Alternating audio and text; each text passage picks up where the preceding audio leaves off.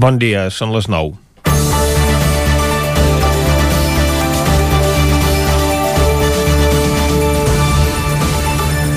Més de 170.000 professionals sanitaris, agrupats al voltant de 55 societats científiques, han publicat un decàleg dirigits als presidents del govern espanyol i de les comunitats autònomes i als partits polítics. La síntesi del manifest, al qual ja s'han adherit 25.000 ciutadans a través de la plataforma Change.org, no pot ser més lacònica i precisa. En la salut, vostès manen, però no en saben. El que volen aquests professionals que van participar fa uns dies en el primer congrés telemàtic de Covid-19 a nivell estatal és que la gestió de la pandèmia es basi en criteris de salut. El que demanen és que siguin els professionals els que prenguin les decisions sobre aquesta crisi sanitària sense cap ingerència política, que acabin els enfrontaments polítics i les traves burocràtiques en relació amb la pandèmia i que els recursos sanitaris arribin a tothom. El crit d'alerta ha arribat arran de la delicada situació en què es troba Madrid, agreujada per l'actitud irresponsable de la seva presidenta autonòmica, que ha portat les restriccions aprovades pel govern espanyol als tribunals. El Poder Judicial és l'altre que després de l'executiu també s'atreveix a decidir sobre qualsevol aspecte al marge del que aconsellin els experts en la matèria. Passa ara i ha passat sempre, com hem vist eh, també des de fa anys amb d'altres qüestions compromeses, com per exemple el de la llengua catalana, que els nacionalistes espanyols s'entesten en segregar i si la comunitat filològica diu el contrari, sempre troben algun jutge disposat a donar-los la raó, que naturalment haurà fet tota la carrera judicial en castellà perquè no hi ha altra manera. En canvi, no sols acut considerar altres llengües com variants dialectals al castellà que es parlen en altres autonomies o en altres països americans perquè per ells la llengua és comú i indivisible. Ara, però, estem parlant d'altres qüestions i de com es posa en risc la vida de les persones. En aquest sentit, veiem com la Junta de Castella i Lleó, governada pel mateix partit que hi ha a Madrid, decideix unilateralment tancar Lleó i Palència davant de l'augment de contagis sense que li ho hagi de demanar al govern central. Grans ciutats com París o Nova York passen a aplicar restriccions molt més estrictes que les aprovades a Madrid malgrat tenir uns nivells de contagis molt més baixos i sense cap mena de discussió. Itàlia també intensifica les seves mesures i a la capital espanyola, en canvi, continua l'intercanvi de cops polític entre el PP cap al PSOE en l'intent de desgastar el govern central capitalitzant el disgust ciutadà per les restriccions i confinant, que això sí que ho confinen, la realitat de la situació que adverteixen els sanitaris. Un fet que demostra que hi ha polítics que, a part d'incompetents, també poden ser males persones. Comencem Territori 17, a la sintonia del 9 FM, Ràdio Cardedeu, la veu de Sant Joan, Ona Codinenca i el 9 TV. Territori 17, amb Vicenç Vigues i Jordi Sunyer.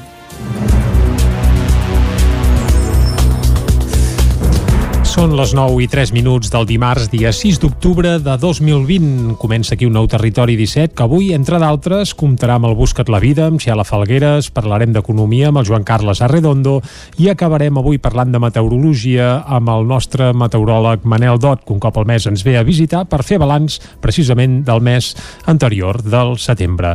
Tot això i molt més des d'ara i fins a les 12 del migdia i com sempre el que fem és arrencar fent un repàs a l'actualitat de les nostres comarques comarques, les comarques del Ripollès, Osona, el Moianès i el Vallès Oriental.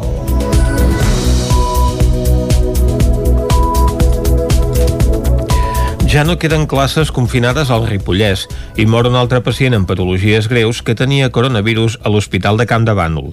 Isaac Muntades, des de la veu de Sant Joan. Segons el portal web Traça Covid del Departament d'Educació de Catalunya, al Ripollès ja no queda cap centre educatiu que tingui aules confinades. Cal recordar que a finals de la darrera setmana la seixantena d'alumnes de P5 de l'Escola Badruna i de primer de batxillerat de l'Institut de Ripoll van poder tornar a les aules després de complir els 10 dies de quarantena obligatoris per evitar contagis. Actualment només hi ha confinada una persona de l'Institut Germans Vilarriera de Camprodon i ja s'acumulen fins a 5 positius en l'àmbit dels centres escolars, dels quals dos són a l'Escola Badruna, dos al Centre d'Educació Especial Dr. Ramon Sorinyac de Ripoll i un a l'Institut Abat Oliva. En el total de Catalunya només hi ha un 0,06% dels centres educatius confinats, 3 de 5.137, i un 1,81% de grups confinats, 1.302 d'aproximadament uns 72.000. Pel que fa a l'Hospital de Can de Bànol, ja s'han diagnosticat un total de 173 casos positius per Covid-19, però actualment no hi ha cap persona ingressada. Això sí, la mala notícia és que divendres hi va morir un altre pacient i ja en són 12 des de l'inici de la pandèmia. Es tracta d'una persona de 83 anys amb patologies prèvies molt greus que estava hospitalitzat a l'àrea de convalescència. Des de l'inici de la crisi ja s'han donat d'alta 88 pacients i només queda un professional sanitari aïllat. Pel que fa a l'índex de risc de rebrot del Ripollès, és moderat i se situa en 69,44 punts. La majoria de municipis estan pintats de color verd amb l'excepció de Ripoll, que continua vermell però millora a poc a poc. Allà l'índex de rebrot és alt i se situa en 126,65 punts, tot i que en els últims 7 dies només s'han detectat 4 casos positius pels 16 que s'havien diagnosticat en els darrers 14 dies. La taxa de reproducció de l'epidèmia també es manté per sota d'1 i ara és de 0,97 punts. Amb un verd més fosc s'hi troben Sant Joan de les Abadeses i Ribes de Freser, tots dos amb un cas positiu en els últims 7 dies i un índex de risc de rebrot molt baix, que en cap dels casos supera els 17 punts. Les restriccions imposades pel Procicat a Vic i Manlleu durant dues setmanes per frenar la propagació del coronavirus redueixen a la meitat l'aforament de bars i restaurants tant a l'exterior com a l'interior dels establiments. Els bars i restaurants s'estan adaptant a l'aplicació de les noves mesures aprovades pel Procicat per frenar el coronavirus a la capital usonenca i que s'aplicaran durant 15 dies. Aquestes restriccions prohibeixen a l'hostaleria el consum dels clients a la barra i també es limita l'aforament a un 50% tant a l'interior com a l'exterior. Gil Corrius és el propietari del restaurant Albareco. Cada cop ens van limitant més i cada cop ens posen més difícil. Uh, teníem la sort a l'estiu que teníem la terrassa i podíem jugar molt amb la terrassa, podíem fer molta gent i ara cada cop ens estan posant més, més difícil. Aquestes noves restriccions a Osona han provocat una davallada de clients a l'hostaleria que tampoc remunta amb les comandes a domicili. A més, l'arribada del fred ha fet que les terrasses s'hagin començat a buidar. Mentre alguns locals ja han decidit guardar les taules d'exterior, alguns restauradors aprofiten els espais per suplir l'aforament que perden a l'interior. Sentim a Arsbet Montero i a Jana Lagronegro del 80 Esprit Vic i de la Tortuga respectivament. Nosotros también tenemos terraza, lo que pasa es que yo entiendo que, bueno, la época no acompaña, hace mucho frío y a ver, estamos intentando y que nos pasando esto es lo que está pasando y si los creo que mis clientes están afuera pues se van a resfriar, ¿no? Y va a ser peor. La gent mm, té por vigila i llavors intenta evitar molts llocs públics com els bars i això es nota. Vic i Manlleu mantindran les mesures durant com a mínim 15 dies. Aquestes hi han sumat iniciatives pròpies com el tancament de pistes esportives i de parcs infantils. El CDR Alter va fer la matinada de dissabte una acció de protesta que va consistir a penjar fotografies del rei Felip VI de cap per avall i posar guillotines a diversos municipis d'Osona. D'aquesta manera volien recordar tres anys després el polèmic discurs del monarca el 3 d'octubre del 2017 quan feia dos dies de la celebració del referèndum. Una de les accions va consistir a penjar la fotografia del rei a la grua de la plaça Major de Vic i també van aparèixer guillotines a Gurb, Taradell, Centelles, les Masies de Voltregà i Sant Vicenç de Torelló. Tornarem a vèncer és el llibre d'Oriol Junqueras i Marta Rovira escrit des de l'exili i la presó. Ahir a la tarda se'n va fer la presentació a Llinars del Vallès. David Oladell, de Ràdio Televisió, Cardedeu. La presentació va comptar amb la presència de Marta Vilaret, vicesecretària d'Esquerra a l'àrea de repressió. També van participar-hi Martí Pujol, alcalde de Llinars, i el president d'Esquerra a Llinars, Josep Aixandri, encarregat d'obrir l'acte. Vilaret va explicar als assistents l'objectiu del llibre, quina és l'estratègia que s'ha de seguir per a la independència des d'abans de l'1 d'octubre de 2017, però carregat de propostes de futur. El llibre està dividit en tres capítols per explicar l'estratègia, posant com a repte el referèndum pactat. Marta Vilaret. Sempre hem dit que la via preferent, la via ideal per arribar a un referèndum. La millor manera era un referèndum pactat, un referèndum eh, que, que, que l'Estat et reconegui les condicions i per tant eh, ja tens, guanyes mm, la legitimitat en aquella part del país que costa més que, que es cregui un referèndum unilateral, que creiem que eh, aquest conflicte, si l'Estat no l'acaba resolent convocant aquest referèndum pactat, que evidentment no som ingenus i sabem de la dificultat d'això, el que hem d'anar fent mentrestant és anar-nos preparant perquè si hem de fer un altre embat eh, democràtic, un altre embat eh, on hi hagi una, una, una unilateralitat i no hagi estat, no pugui ser pactat amb l'Estat, doncs hem d'estar més ben preparats per guanyar-lo. Tot seguit amb un vídeo gravat des de la presó, Oriol Junqueras va explicar molt breument amb les seves paraules l'origen del llibre amb l'objectiu de vèncer. L'acte va tancar amb un torn de paraules que el públic va poder aprofitar per fer preguntes més concretes i exigents de l'estratègia d'Esquerra i l'independentisme. Una tona de màgia, el Festival Internacional de Màgia de Tona ha superat amb nota la seva cinquena edició, ajornada el mes de maig per la pandèmia. Les dues gales internacionals i l'op del festival amb espectacles de carrer són dues bones mostres de l'èxit d'aquesta edició. Una tona de màgia va omplir aquest cap de setmana carrers i sales del poble amb espectacles a càrrec de diferents mags i magues. El festival va ser un èxit de públic tot i el context de pandèmia mundial. Durant tot el cap de setmana, famílies van gaudir d'actuacions al carrer amb artistes emergents i grups locals. Jordi Pota és el director artístic del Festival de Màgia de Tona. Ha anat superbé aquesta cinquena edició, no esperàvem que es pogués ni realitzar, eh, fins al dia abans no sabíem si es podria fer o no es podria fer, però realment veiem que el públic, que els artistes, que els tècnics, que l'organització, els voluntaris, l'Ajuntament, els comerços, tothom eh, valora molt positivament aquesta cinquena edició, agraeix molt, estem rebent molt escalf d'agraïments, i no sé, veiem que la gent té ganes de que la cultura no pari, de, de fer les coses ben fetes. Uh, si veus que algú està molt a prop, se li diu i t'ho agraeixen. El punt fort del festival van ser les dues gales internacionals que van tenir lloc a la sala La Canal. L'encarregat d'obrir i conduir la gala va ser Maximiliano Stia, que a base de trucs senzills i molt d'humor va entretenir l'audiència en, entre actuacions. Charlie Mack va estrenar l'escenari gran, deixant el públic meravellat amb l'art de fer aparèixer i desaparèixer aus de colors. Dels altres mags en van destacar Pep Bou formant figures amb bombolles i Huang Zheng domant l'aire amb uns mocadors de colors. La traca final del certamen la va protagonitzar el reconegut McLary amb un número ple de màgia i rialles del públic.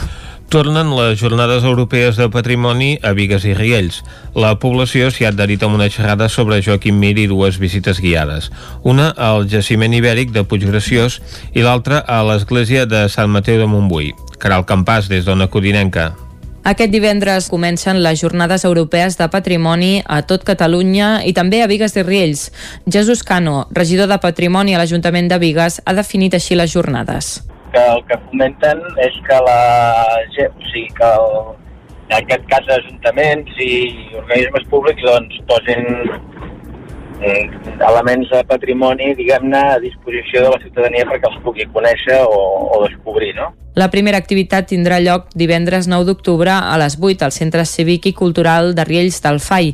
És una xerrada sobre Joaquim Mir que s'havia de fer enmarcada en la festa major de Riells el passat agost, que es va haver d'anul·lar per un positiu al poble. Bueno, hem organitzat tres, tres activitats. Per falta d'una, doncs en fem tres, que una és la de la xerrada del Joaquim Mir a Riells, que ja estava prevista per la festa major de, de Riells, però a l'haver-la de, a l'haver-la de suspendre pel tema de positiu que hi va haver-hi a Riells uh -huh. i amb temença d'un possible brot doncs van dir, mira, ja la farem quan, quan ens vagi bé i ara doncs amb això de les jornades de patrimoni hem cregut convenient recuperar-la per, per fer-la. No? La segona activitat es farà dissabte 10 d'octubre a les 3 a la plaça de l'Església de Sant Pere i Sant Pau de Vigues. Aquest serà el punt de partida de la caminada a peu fins al santuari de Puiggraciós. Un cop a dalt hi haurà una visita guiada al jaciment ibèric a càrrec del director de les dues campanyes d'excavacions i tècnic de patrimoni del Museu de Granollers, Marc Guàrdia. La tercera activitat serà diumenge diumenge 11 d'octubre a les 9 al Centre Cívic i Cultural El Riaral de Vigues. Aquest serà el punt de sortida de la ruta a peu fins al Castell de Montbui. Posteriorment es farà la visita guiada a l'església de Sant Mateu, recentment rehabilitada. Per participar a les activitats proposades per la GEP caldrà inscriure's prèviament a entrapolis.com, ja que les places són limitades. El SAT Teatre Centre de Sant Joan enceta el cicle de tardor amb el teatre de Sílvia Bel i Rosa Renom i l'acabarà amb l'actuació estrella del cantant dels Pets Lluís Gavaldà. Isaac el SAT Teatre Centre de, Sant Joan de les Abadeses reprèn la seva activitat amb el cicle de tardor 2020 després que davant l'augment de casos de coronavirus que es van registrar al municipi a finals d'agost i principis de setembre hagués de suspendre l'espectacle de Joan Pera que s'havia programat per la Diada de Catalunya de l'11 de setembre. Tal com explicava un dels seus directors, Josep Garriga, tant el cicle de primavera com el de tardor pretenen portar propostes ben variades per diferents tipus de públic. Aquest dissabte el Teatre Centre de la Vila obrirà foc amb Des de l'enyor de l'exili amb les actrius Sílvia Bel i Rosa Renom com a protagonistes protagonistes. Garriga explicava com serà aquesta activitat i la següent del dia 7 de novembre, que tindrà com a cara visible Helena Gadel, també al Teatre Centre amb cançons i versions. I la que començàvem a l'octubre era aquesta lectura dramatitzada doncs, de teatre de petit format, la Sílvia Bel i la Rosa Renom, aprofitant que és l'any carner, per tant seria la proposta més teatral que tenim sobre la taula. No? És un espectacle on ha anat, molt èxit i ha agradat molt, que és un tema que va elles dues reciten epístoles i cartes de carner, acompanyats amb un acordió. És a l'octubre ens aniria més a la música més actual, no? que seria Helena Gadel, una persona doncs, les primeres veus dels musicals de Catalunya, que ara està preparant doncs, el Mago de Oz, que segurament estaran a Barcelona del novembre o desembre, per tant són persones de primer nivell que parlen, fan un espectacle ella sola de cant, de tema musical. La tercera proposta ve de la mà de l'actriu i cantant Marina Prades, que ja serà la tercera o quarta vegada que ve a Sant Joan i juntament amb Santi Ricard, Oriol Pedrós i sota la direcció de Jordi Fiter faran un viatge per les cançons del cinema negre el pròxim 22 de novembre al Palau de l'Abadia. Finalment, el plat fort serà el pròxim 12 de desembre al Teatre Centre amb el cantant dels Pets, Lluís Gavaldà. Que és el que havíem suspès per la primavera del 2020, que és aquest concert de Lluís Gavaldà en petit format, el que fan és un espectacle únic cada vegada que es fa perquè l'auditori o platea tria les cançons que vol que toqui dels Pets. En això ja vam tenir el seu moment, va tenir, teníem molt èxit perquè teníem al voltant de 80-90 entrades venudes i la majoria d'aquestes persones va haver d'ajornar aquest espectacle, doncs avui ningú ha gairebé, només un parell tres de persones ha sol·licitat el retorn de les entrades perquè no li va bé, però la gent ha ratificat que vol venir. Per tant, aquest espectacle sí, ja tenim al voltant de més de 100 entrades venudes. Garriga també va confirmar que estan treballant perquè l'actuació de Joan Pera, que havia venut unes 150 entrades, també es pugui fer, però ja seria de cara al 2021. El director del SAT Teatre Centre va recordar que la cultura és segura i que el teatre gaudeix d'un munt de mesures de seguretat per evitar contagis. A més, va recordar que el pròxim 10 d'octubre començarà l'escola de teatre, que cada any acull una vuitantena d'alumnes. I fins aquí el butllet informatiu que us hem ofert, com sempre, amb les veus de Vicenç Vigues, Clàudia Dinarès, David Auladell, Caral Campàs i Isaac Muntades. I ara, abans d'anar cap al quiosc, el que toca, com sempre també, és fer una ullada a la situació meteorològica.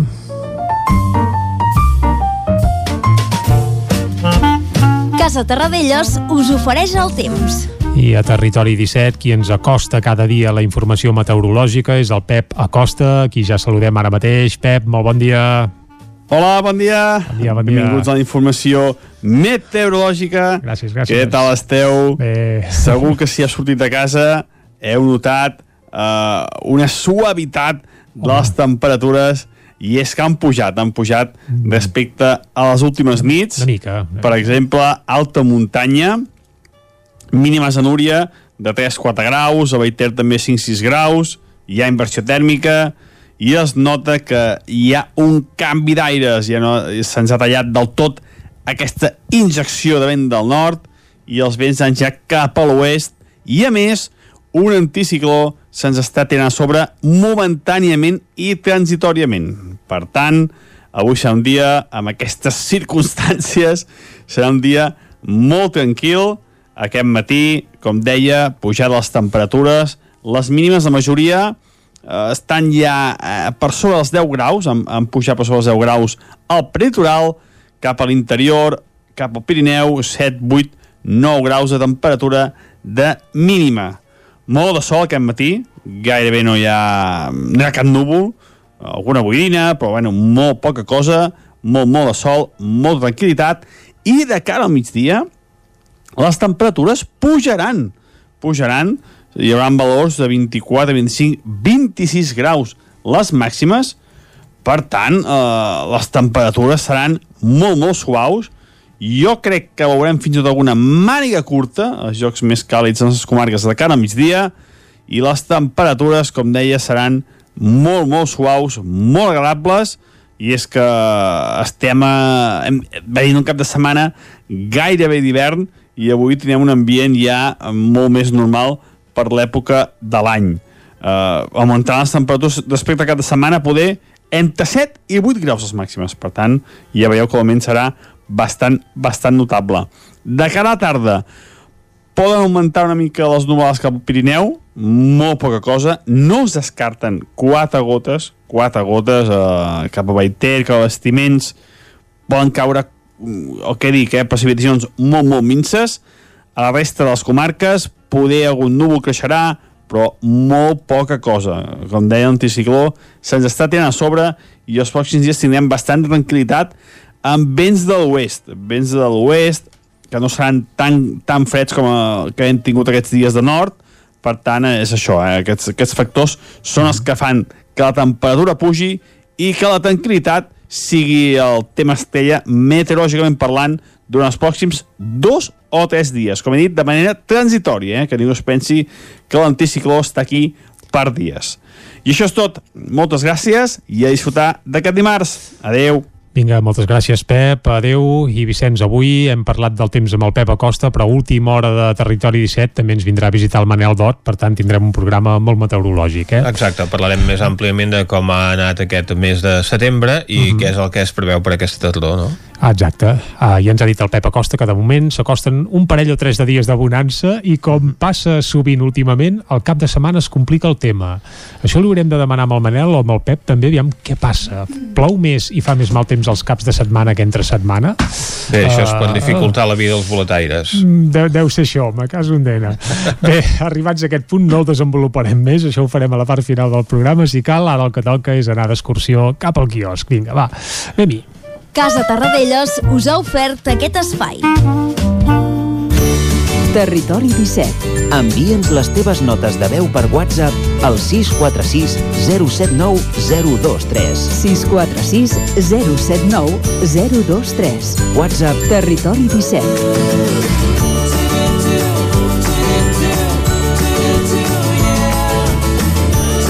Territori 17.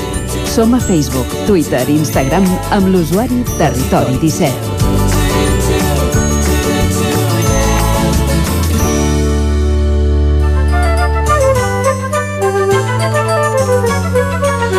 Ara és hora, com dèiem, d'anar al quiosc i repassar què és el que treuen en portada els diaris d'avui, Clàudia. Bon dia de nou, comencem com sempre amb el punt avui que diu de Bracet. Felip VI serà divendres a Barcelona acompanyat de Pedro Sánchez. El govern espanyol considera que ara ja no hi ha riscos pel monarca. El vicepresident Pere Aragonès i l'alcaldessa Ada Colau no el rebran. Encara amb el monarca, diu Corina, vincula Felip VI els negocis del seu pare. A la imatge cultura en temps difícils, el Conca atorga els Premis Nacionals de Cultura 2020. Uh, més titulars del punt avui condemnen la UB per un text de suport als presos. És un titular que veurem a la premsa espanyola i Junts per Catalunya i el PDeCAT ja no negocien la coalició. Anem al diari ara que diu Itàlia i França augmenten les restriccions. El Quirinal imposa la mascareta obligatòria a tot el país i l'Elisi estreny els controls a la capital. L'OMS estima que el 10% de la població mundial ja s'ha contagiat de Covid-19. A la imatge diu París en alerta màxima a partir d'avui els milers de bars de la capital francesa i la seva àrea metropolitana estaran tancats com a mínim durant 15 dies a causa de l'augment de contagis. En política, Junts per Catalunya i el PDeCAT s'aboquen al trencament i el Sabadell estudia una fusió amb el Cuchabank. Anem al periòdico que diu restriccions més dures a Europa contra el virus. Com veiem fa un moment, París clausura els bars i els gimnasos i Itàlia prorroga l'estat d'alarma fins al mes de gener. En política espanyola, en aquest cas, Sánchez s'acosta al rei per apaivagar els atacs de la dreta. Felip VI anirà divendres a Barcelona on rebrà la plantada d'Aragonès i també d'Ada Colau. A la imatge diu despullant la misogínia L'exposició Invitades és un toc d'alerta crític i autocrític del Museu del Prado sobre l'herència masclista de l'art. Diu dos punts, la dona, representació del vici i menyspreada com a creadora. Una exposició que veurem més endavant. D'entrada ens quedem amb un últim titular del periòdico que diu la despesa autonòmica podrà sumar quasi 27.000 milions més. I anem a l'avantguàrdia, que diu Hisenda ofereix a les autonomies mantenir el nivell de despesa del 2021. Montero assumeix la meitat del 2,2% del dèficit de les comunitats, igual als pagaments a compte del 2020 i hi afegeix diners de fons europeus. A la imatge diu no tingueu por del coronavirus. Vicenç, estem parlant ah. de Donald Trump. Bé, així eh, començo a tema. Exacte. Encara més del que el temia. La Vanguardia, de fet, es pregunta, eh, diu, Trump està més greu del que aparenta, en fi, ahir va tornar a la Casa Blanca i ho va fer amb mascareta, tot i que després se la va treure. I el rei, com hem vist, visitarà Barcelona acompanyat de Sánchez per tancar la polèmica en política catalana. El PDeCAT i Junts aniran separats a les eleccions. Anem a veure què treuen en portada els diaris de Madrid. Comencem amb el país que diu la segona onada porta a confinar a 5,2 milions d'espanyols. León i Palència apliquen el tancament perimetral i Saragossa i Osca redueixen els aforaments. París i Nova York prenen mesures més dràstiques que les vigents actualment a Espanya. A la imatge tornem a veure aquesta exposició, diu el Prado, es disculpa amb les dones. El museu obre avui invitades una mirada crítica a la misogínia en les arts plàstiques. Uh, tornem a veure Sánchez, que anirà amb el rei a Barcelona per rebaixar la tensió. La Moncloa busca mostrar normalitat en un esdeveniment econòmic. El Mundo Seguretat Nacional va avisar el 7 de març del desbordament de l'epidèmia. A la imatge de la portada hi veiem a Trump que diu ja és a la Casa Blanca sense mascareta. Uh, més coses, diu alarma dels bancs d'inversió.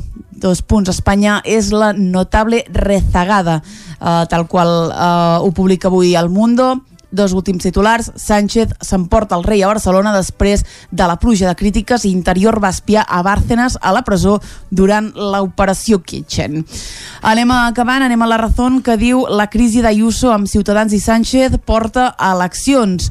Uh, la imatge diu l'altra pàtria. Radicals d'Esquerra protesten per la detenció d'exmembres d'ETA que vigilaven un zulo amb armes relacionades amb atentats. Diu la Guàrdia Civil va detenir ahir a tres responsables d'un zulo, com veiem, d'explosius de la banda terrorista ETA que va ser localitzat al juny de l'any 2019 a Àlava. Més coses, Moncloa cola, diu, a l'agenda del rei un acte a Barcelona i Trump eh, es dona d'alta tres dies després del Covid i s'obleva als metges. Acabem amb l'ABC, amb un tema que hem dit al principi, condemna judicial als rectors, als rectors del secessionisme.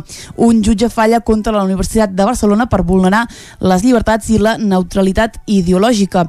Els constitucionalistes avisen de que la sentència ajudarà a frenar el dogmatisme. Diu, no callarem. A la imatge hi veiem el rector de la Universitat de Barcelona, Joan Elias, en un acte acadèmic rodejat de diferents rectors eh, que es van afegir a aquest document en contra de la sentència de l'1 d'octubre. Molt bé, doncs hem fet un repàs al que treuen en portada als diaris d'avui, tant de Barcelona com de Madrid, i d'aquesta manera posem punt i final a aquest bloc informatiu.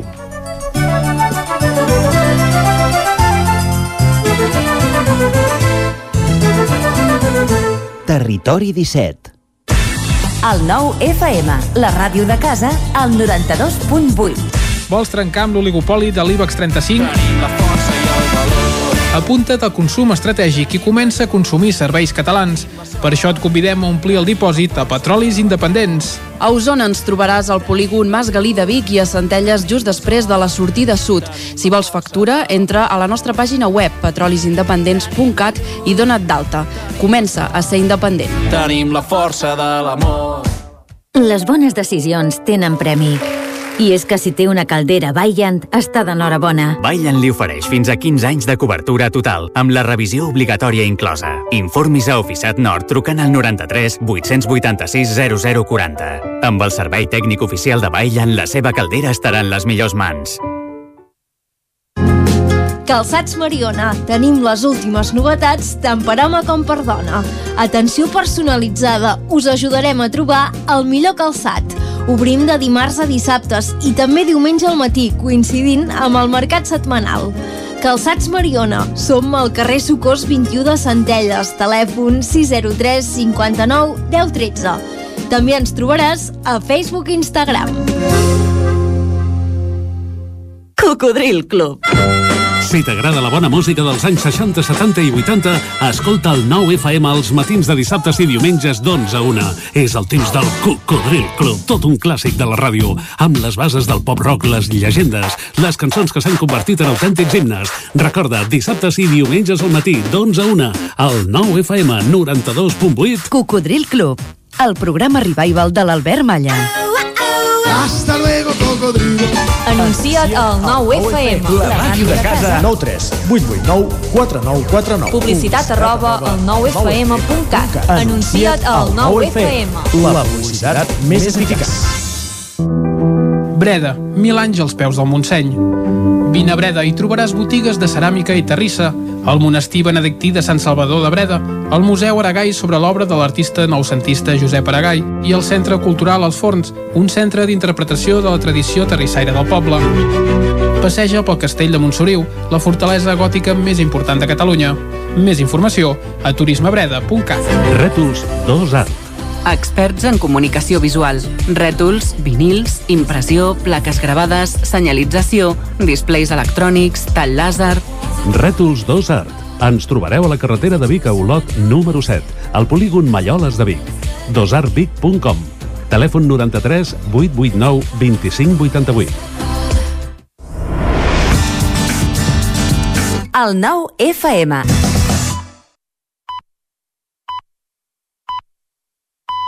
Territori 17, amb Vicenç Vigues i Jordi Sunyer.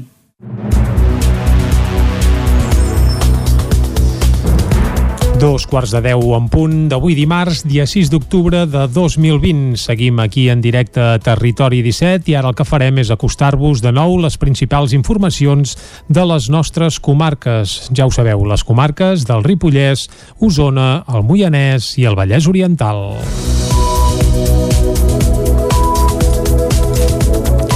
Ja no queden classes confinades al Ripollès i mor un altre pacient amb patologies greus que tenia coronavirus a l'Hospital de Camp de Bànol.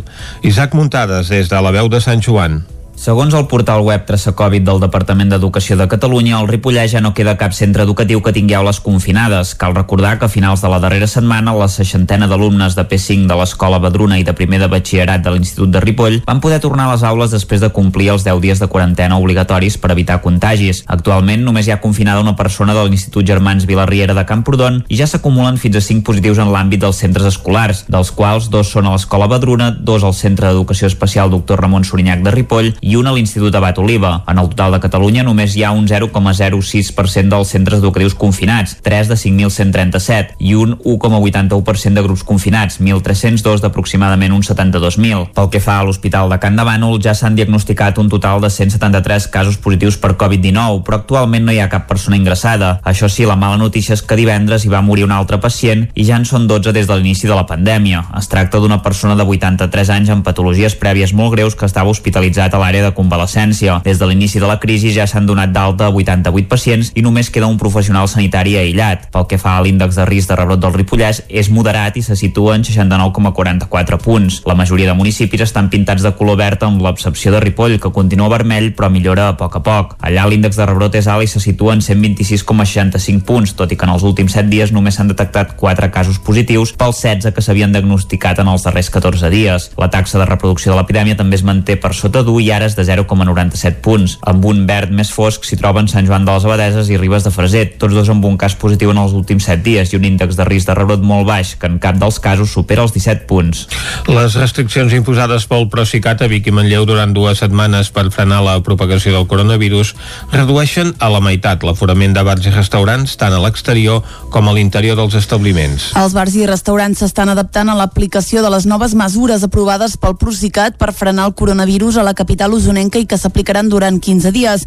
Aquestes restriccions prohibeixen a l'hostaleria el consum dels clients a la barra i també es limita l'aforament a un 50% tant a l'interior com a l'exterior. Gil Corrius és el propietari del restaurant Albareco. Cada cop ens van limitant més i cada cop ens posen més difícil. Uh, teníem la sort a l'estiu que teníem la terrassa i podíem jugar molt amb la terrassa, podíem fer molta gent i ara cada cop ens estan posant més, més difícil. Aquestes noves restriccions a Osona han provocat una davallada de clients a l'hostaleria que tampoc remunta amb les comandes a domicili. A més, l'arribada del fred ha fet que les terrasses s'hagin començat a buidar. Mentre alguns locals ja han decidit guardar les taules d'exterior, alguns restauradors aprofiten els espais per suplir l'aforament que perden a l'interior. Sentim a Arsbet Montero i a Jana Lagronegro del 80 Esprit Vic i de la Tortuga respectivament. Nosotros también tenemos terraza, lo que pasa es que yo entiendo que, bueno, la época no acompaña, hace mucho frío y a ver, estamos intentando y que nos pasando una- esto es lo que está pasando y si los creo que mis clientes están afuera pues se van a resfriar, ¿no? Y va a ser peor. La gent mm, té por i vigila i llavors intenta evitar molts llocs públics com els bars i això es nota. Vic i Manlleu mantindran les mesures durant com a mínim 15 dies. Aquestes hi han sumat iniciatives pròpies com el tancament de pistes esportives i de parcs infantils. El CDR Alter va fer la matinada de dissabte una acció de protesta que va consistir a penjar fotografies del rei Felip VI de cap per avall i posar guillotines a diversos municipis d'Osona. D'aquesta manera volien recordar tres anys després el polèmic discurs del monarca el 3 d'octubre del 2017 quan feia dos dies de la celebració del referèndum. Una de les accions va consistir a penjar la fotografia del rei a la grua de la plaça Major de Vic i també van aparèixer guillotines a Gurb, Taradell, Centelles, les Masies de Voltregà i Sant Vicenç de Torelló. Tornarem a vèncer és el llibre d'Oriol Junqueras i Marta Rovira escrit des de l'exili i la presó. Ahir a la tarda se'n va fer la presentació a Llinars del Vallès. David Oladell, de Ràdio Televisió Cardedeu. La presentació va comptar amb la presència de Marta Vilaret, vicesecretària d'Esquerra a l'àrea de repressió. També van participar-hi Martí Pujol, alcalde de Llinars, i el president d'Esquerra Llinars, Josep Aixandri, encarregat d'obrir l'acte. Vilaret va explicar als assistents l'objectiu del llibre, quina és l'estratègia que s'ha de seguir per a la independència des d'abans de l'1 d'octubre de 2017, però carregat de propostes de futur. El llibre està dividit en tres capítols per explicar l'estratègia, posant com a repte el referèndum pactat. Marta Vilaret. Sempre hem dit la via preferent, la via ideal per arribar a un referèndum, la millor manera era un referèndum pactat, un referèndum eh, que, que, que l'Estat et reconegui les condicions i per tant eh, ja tens, guanyes mm, la legitimitat en aquella part del país que costa més que, que es cregui un referèndum unilateral, que creiem que eh, aquest conflicte, si l'Estat no l'acaba resolent convocant aquest referèndum pactat, que evidentment no som ingenus i sabem de la dificultat d'això, el que hem d'anar fent mentrestant és anar-nos preparant perquè si hem de fer un altre embat eh, democràtic, un altre embat eh, on hi hagi una, una, una unilateralitat i no hagi estat, no pugui ser pactat amb l'Estat, doncs hem d'estar més ben preparats per guanyar-lo. Tot seguit amb un vídeo gravat des de la presó, Oriol Junqueras va explicar molt breument amb les seves paraules l'origen del llibre amb l'objectiu de vèncer. L'acte va tancar amb un torn de paraules que el públic va poder aprofitar per fer preguntes més concretes i exigents de l'estratègia d'Esquerra i l'independentisme. Una tona de màgia, el Festival Internacional de Màgia de Tona ha superat amb nota la seva cinquena edició, ajornada el mes de maig per la pandèmia. Les dues gales internacionals i l'off del festival amb espectacles de carrer són dues bones mostres de l'èxit d'aquesta edició. Una tona de màgia va omplir aquest cap de setmana carrers i sales del poble amb espectacles a càrrec de diferents mags i magues. El festival va ser un èxit de públic tot i el context de pandèmia mundial. Durant tot el cap de setmana, famílies van gaudir d'actuacions al carrer amb artistes emergents i grups locals. Jordi Pota és el director artístic del Festival de Màgia de Tona. Ha anat superbé aquesta cinquena edició, no esperàvem que es pogués ni realitzar, eh, fins al dia abans no sabíem si es podria fer o no es podria fer, però realment veiem que el públic, que els artistes, que els tècnics, que l'organització, els voluntaris, l'Ajuntament, dels comerços, tothom eh, valora molt positivament aquesta cinquena edició, agraeix molt, estem rebent molt escalf d'agraïments. I no sé, veiem que la gent té ganes de que la cultura no pari, de, de fer les coses ben fetes, eh, si veus que algú està molt a prop, se li diu i t'ho agraeixen. El punt fort del festival van ser les dues gales internacionals que van tenir lloc a la sala La Canal. L'encarregat d'obrir i conduir la gala va ser Maximiliano Stia, que a base de trucs senzills i molt d'humor va entretenir l'audiència en, entre actuacions. Charlie Mac va estrenar l'escenari gran, deixant el públic meravellat amb l'art de fer aparèixer i desaparèixer aus de colors. Dels altres mags en van destacar Pep Bou formant figures amb bombolles i Huang Zheng domant l'aire amb uns mocadors de colors. La traca final del certamen la va protagonitzar el reconegut McLari amb un número ple de màgia i rialles del públic. Tornen les jornades europees de patrimoni a Vigues i Riells. La població s'hi ha adherit amb una xerrada sobre Joaquim Mir i dues visites guiades. Una al jaciment ibèric de Puiggraciós i l'altra a l'església de Sant Mateu de Montbui. Caral Campàs, des d'Ona Codinenca. Aquest divendres comencen les jornades europees de patrimoni a tot Catalunya i també a Vigues i Riells. Jesús Cano, regidor de Patrimoni a l'Ajuntament de Vigues, ha definit així les jornades. Que el que comenten és que la gent, o sigui, que el, en aquest cas ajuntaments i organismes públics doncs posin eh, elements de patrimoni, diguem-ne, a disposició de la ciutadania perquè els pugui conèixer o, o descobrir, no? La primera activitat tindrà lloc divendres 9 d'octubre a les 8 al Centre Cívic i Cultural de Riells del FAI. És una xerrada sobre Joaquim Mir que s'havia de fer enmarcada en la festa major de Riells el passat agost que es va haver d'anul·lar per un positiu al poble.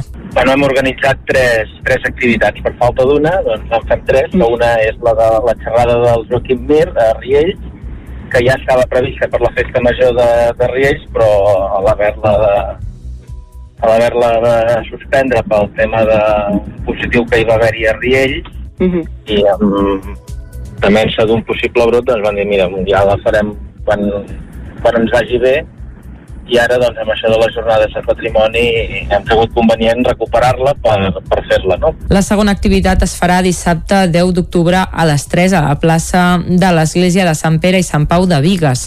Aquest serà el punt de partida de la caminada a peu fins al santuari de Puiggraciós. Un cop a dalt hi haurà una visita guiada al jaciment ibèric a càrrec del director de les dues campanyes d'excavacions i tècnic de patrimoni del Museu de Granollers, Marc Guàrdia. La tercera activitat serà diumenge diumenge 11 d'octubre a les 9 al Centre Cívic i Cultural El Riaral de Vigues. Aquest serà el punt de sortida de la ruta a peu fins al Castell de Montbui.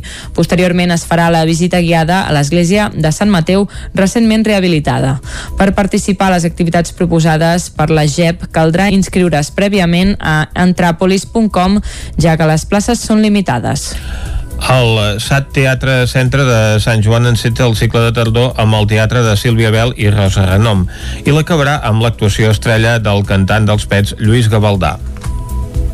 Isaac el SAT Teatre Centre de Sant Joan de les Abadeses reprèn la seva activitat amb el cicle de tardor 2020 després que davant l'augment de casos de coronavirus que es van registrar al municipi a finals d'agost i principis de setembre hagués de suspendre l'espectacle de Joan Pera que s'havia programat per la Diada de Catalunya de l'11 de setembre. Tal com explicava un dels seus directors, Josep Garriga, tant el cicle de primavera com el de tardor pretenen portar propostes ben variades per diferents tipus de públic. Aquest dissabte el Teatre Centre de la Vila obrirà foc amb Des de l'enyor de l'exili amb les actrius Sílvia Bel i Rosa Renom com a protagonistes protagonistes. Garriga explicava com serà aquesta activitat i la següent del dia 7 de novembre, que tindrà com a cara visible Helena Cadel, també al Teatre Centre, amb cançons i versions. I la que començàvem a l'octubre era aquesta lectura dramatitzada doncs, de teatre de petit format, la Sílvia Bel i la Rosa Renom, aprofitant que és l'any carner, per tant seria la proposta més teatral que tenim sobre la taula. No? Que és un espectacle on ha anat, molt èxit i ha agradat molt, que és un tema que va elles dues reciten epístoles i cartes de carner, acompanyats amb un acordió. Des de l'octubre ens aniria més a la música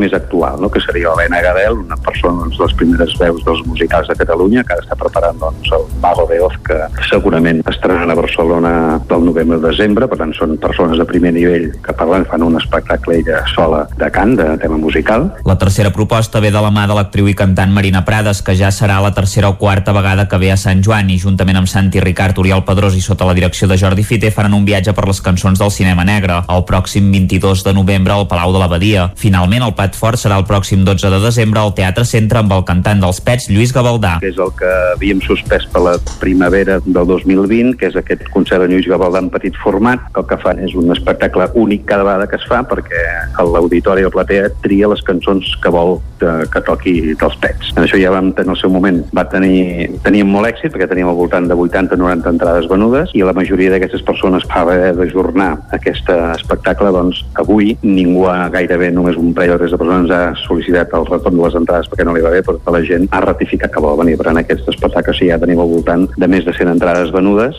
Garriga també va confirmar que estan treballant perquè l'actuació de Joan Pera, que havia venut unes 150 entrades, també es pugui fer, però ja seria de cara al 2021. El director del SAT Teatre Centre va recordar que la cultura és segura i que el teatre gaudeix d'un munt de mesures de seguretat per evitar contagis. A més, va recordar que el pròxim 10 d'octubre començarà l'escola de teatre, que cada any acull una vuitantena d'alumnes.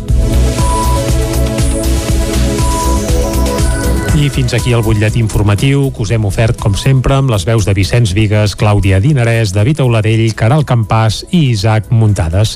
I ara, abans d'anar cap al quiosc, el que toca, com sempre també, és fer una ullada a la situació meteorològica.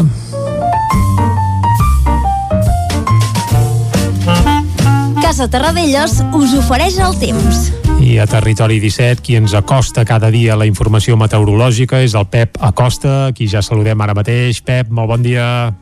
Hola, bon dia. Bon dia, bon dia. Benvinguts a la informació meteorològica. Gràcies, gràcies. Què tal esteu? Bé. Segur que si ha sortit de casa heu notat uh, una suavitat de les temperatures i és que han pujat, han pujat respecte a les últimes nits. Una mica. Eh? Per exemple, alta muntanya, mínimes a Núria de 3-4 graus, a Baiter també 5-6 graus, hi ha inversió tèrmica i es nota que hi ha un canvi d'aires, ja no se'ns ha tallat del tot aquesta injecció de vent del nord i els vents han ja cap a l'oest i a més un anticicló se'ns està tenint a sobre momentàniament i transitoriament. Per tant, avui serà un dia amb aquestes circumstàncies, serà un dia molt tranquil.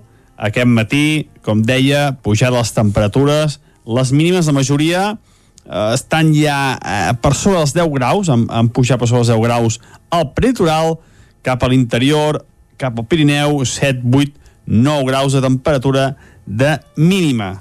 Molt de sol aquest matí, gairebé no hi ha, no hi ha cap núvol, alguna boirina, però bueno, molt poca cosa, molt, molt de sol, molt de tranquil·litat, i de cara al migdia, les temperatures pujaran, pujaran, hi haurà valors de 24, 25, 26 graus les màximes, per tant, eh, les temperatures seran molt, molt suaus, jo crec que veurem fins i tot alguna màniga curta, els jocs més càlids en les comarques de cara al migdia, i les temperatures, com deia, seran molt, molt suaus, molt agradables, i és que estem a, hem, veient un cap de setmana gairebé d'hivern i avui tenim un ambient ja molt més normal per l'època de l'any.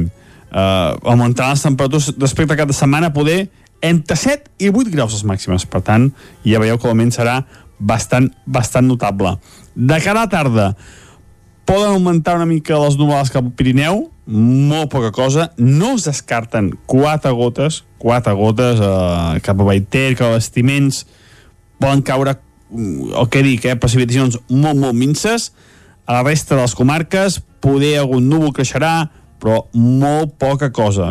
Com deia l'anticicló, se'ns està tenint a sobre i els pròxims dies tindrem bastant tranquil·litat amb vents de l'oest, vents de l'oest, que no seran tan, tan freds com a, que hem tingut aquests dies de nord, per tant, és això, eh? aquests, aquests factors són els que fan que la temperatura pugi i que la tranquil·litat sigui el tema estella meteorològicament parlant durant els pròxims dos o tres dies, com he dit, de manera transitòria, eh? que ningú es pensi que l'anticicló està aquí per dies. I això és tot. Moltes gràcies i a disfrutar d'aquest dimarts. Adeu. Vinga, moltes gràcies, Pep. Adeu. I Vicenç, avui hem parlat del temps amb el Pep Acosta, però a última hora de Territori 17 també ens vindrà a visitar el Manel Dot, per tant tindrem un programa molt meteorològic, eh? Exacte, parlarem més àmpliament de com ha anat aquest mes de setembre i mm -hmm. què és el que es preveu per aquesta tardor, no? Ah, exacte. Ah, ja ens ha dit el Pep Acosta que de moment s'acosten un parell o tres de dies de bonança i com passa sovint últimament, al cap de setmana es complica el tema. Això li haurem de demanar amb el Manel o amb el Pep també, aviam què passa.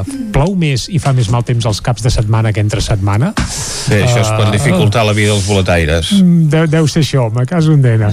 Bé, arribats a aquest punt no el desenvoluparem més, això ho farem a la part final del programa, si cal, ara el que toca és anar d'excursió cap al quiosc. Vinga, va, anem-hi. Casa Tarradellas us ha ofert aquest espai. Territori 17. Envia'ns les teves notes de veu per WhatsApp al 646 079 023. 646 079 023. WhatsApp Territori 17.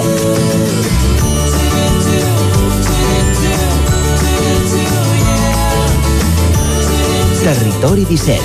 Som a Facebook, Twitter i Instagram amb l'usuari Territori 17.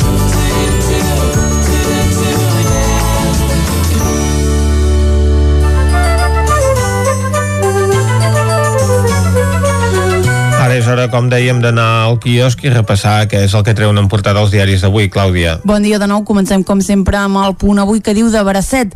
Felip VI serà divendres a Barcelona acompanyat de Pedro Sánchez. El govern espanyol considera que ara ja no hi ha riscos pel monarca.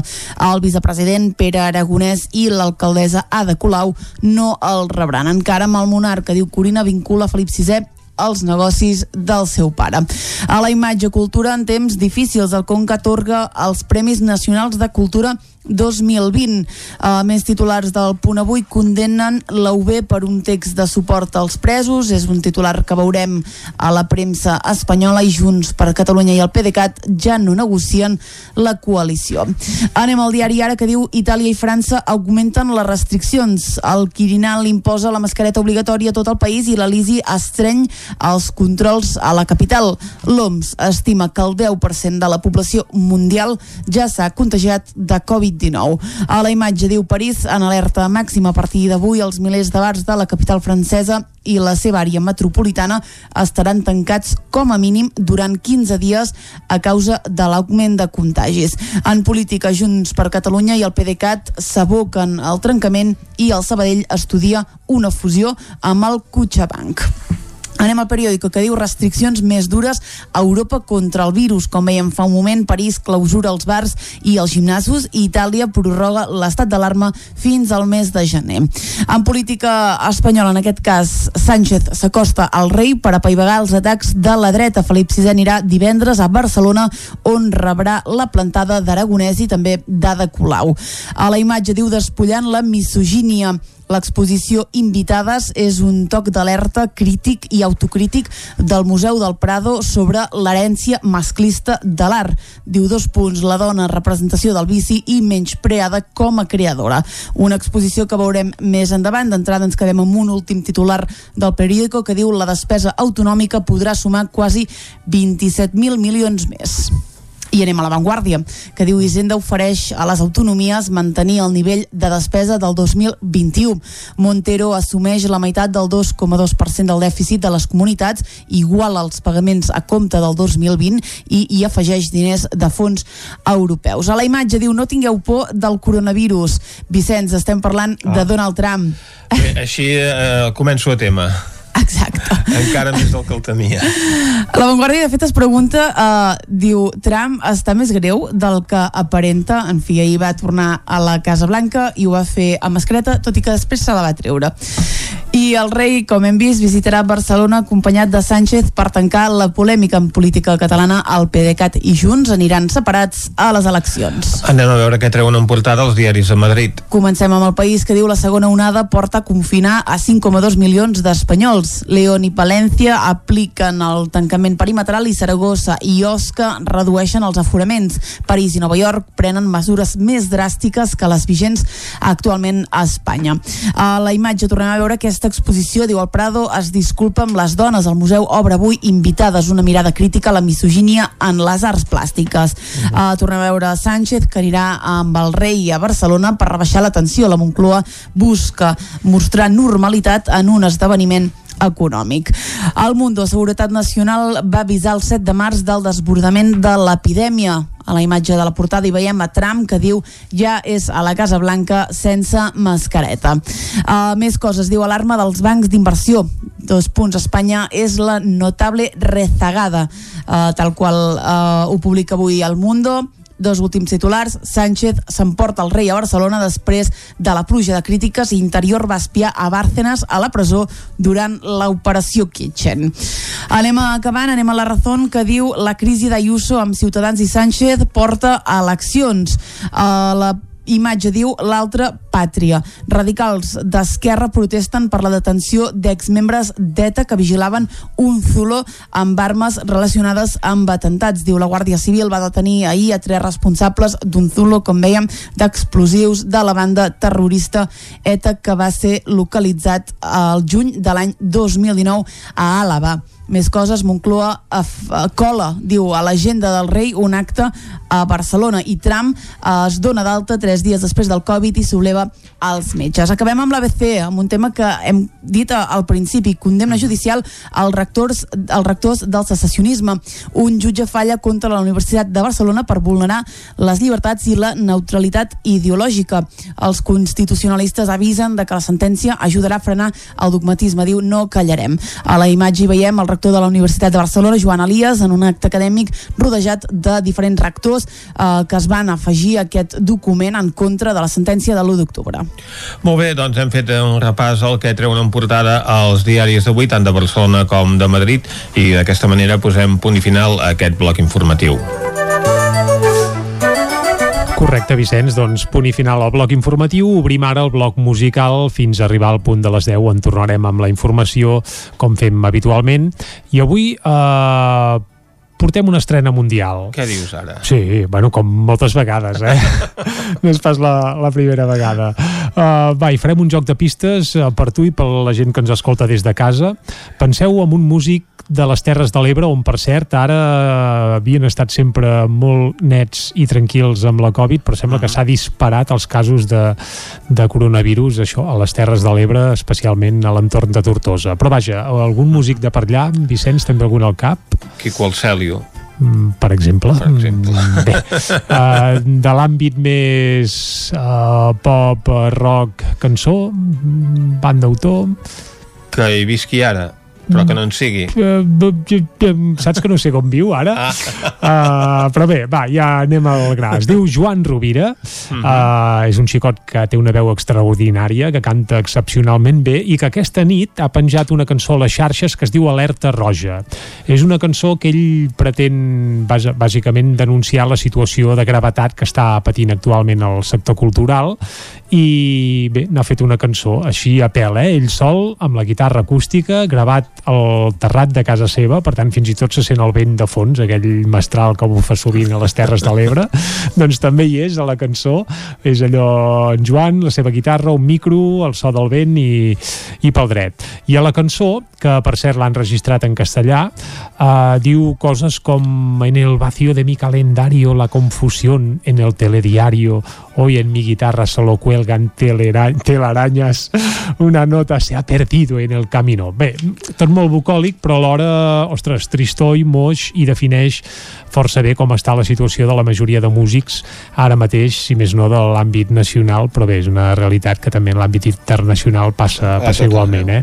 Si no lo sabes, yo te lo digo, que todo el gremio estamos bien jodidos. Això canta, entre d'altres coses, el Joan Rovira en aquesta cançó, que es titula Alerta Roja, i que, si et sembla, estrenem... O Eh, alerta roja, perquè si és en castellà para que lo entienda todo el mundo... Bé, això tothom que ho digui com vulgui.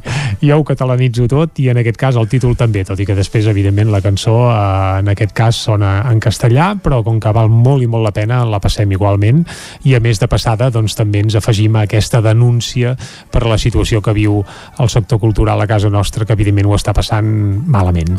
Uh, L'escoltem? Molt i molt malament, efectivament. Sí, massa, malament, però vaja, des d'aquí nosaltres evidentment donem el ressò que podem, tenim agendes culturals, proposem que la gent vagi al teatre, vagi al poc que es fa, doncs almenys que s'ompli, les, i que hi les hagi caliu. places que, que estan disponibles. si Correcte. Uh, demà la repassarem, l'agenda cultural, eh? De moment, avui, uh, escoltem ara uh, Alerta Roja, va, del Joan Rovira, l'estrenem. Ell i guitarra, ja veureu que bé que sona. Alerta roja por estar desemparado, alerta roja por sentirme mutilado, que nos depara este mundo sin sentido. Yo sin mi música me siento tan perdido. Alerta roja cancelando mis conciertos, alerta roja calculando mis ingresos en el vacío de mi calendario, la confusión en el telediario. Hoy en mi guitarra solo cuelgan telarañas, una se ha perdido en el camino. Luces apagadas y altavoces en las cajas. Hoy mi voz prende de un hilo, mi vieja amiga.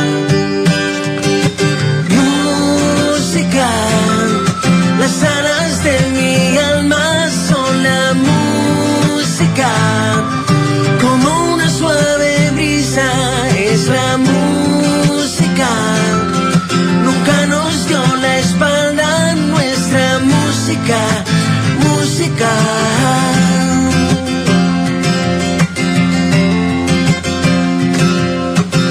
Alerta roja por quedarnos en el banquillo.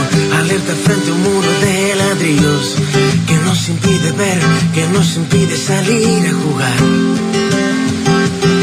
Si no lo sabes, yo te lo digo. Que todo el gremio estamos bien jodidos. No fingiremos en el postureo. Que todo va bien, que nada va mal. Entre bambalinas se perdieron las sonrisas. Somos un juguete roto en la guardilla. garganta. Sé que el miedo nos delata, el futuro a la deriva, mi vieja amiga. Música, la sal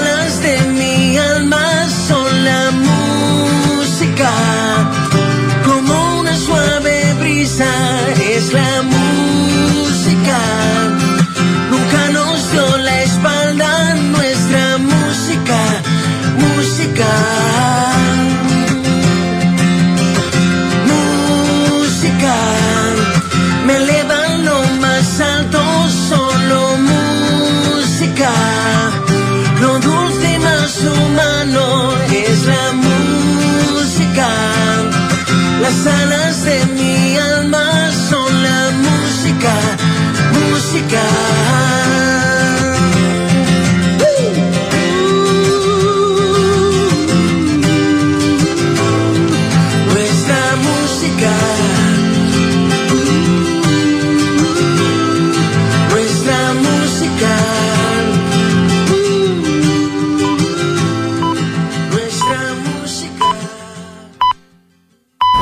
I a les 10 en punt torna la informació de les nostres comarques, les comarques del Ripollès, Osona, el Moianès i el Vallès Oriental.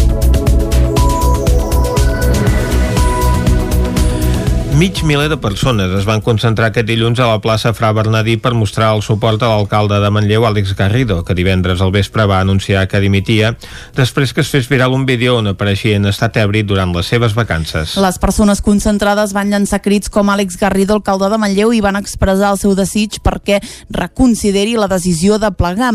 Garrido, que era present a la plaça, va dir que la difusió del vídeo és una maniobra orquestrada. També va deixar clar que ara mateix la seva decisió de plegar és ferma, tot i que marxa uns dies al monestir de Montserrat a donar voltes a la seva situació.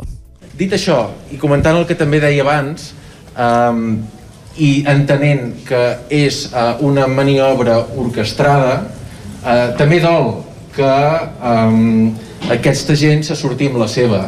També dol que uh, la maldat, la mesquinesa, s'imposin sobre la passió i sobre l'humilitat. I això també, permeteu-me, eh, hi hauré de donar el, alguna volta més. Jo avui ho he manifestat molt clarament. Eh, la meva decisió és ferma, però havia de passar una cosa molt gran per fer-me canviar d'opinió. Això que estic veient avui és una cosa molt gran.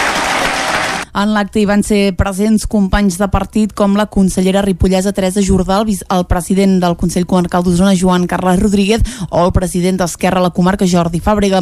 També hi havia els membres de l'equip de govern municipal integrat per Esquerra i Junts per Manlleu.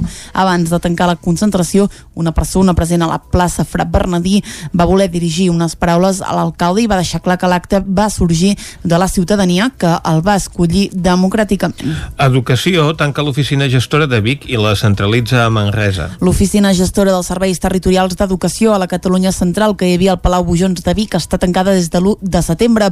Ha deixat de funcionar en el marc del Pla d'Administració Electrònica d'Educació, a través del qual desapareixen els registres presencials i entren en vigor les oficines d'assistència en matèria de registre i en cas que es vulgui fer algun tràmit presencial cal anar a la seu de Manresa.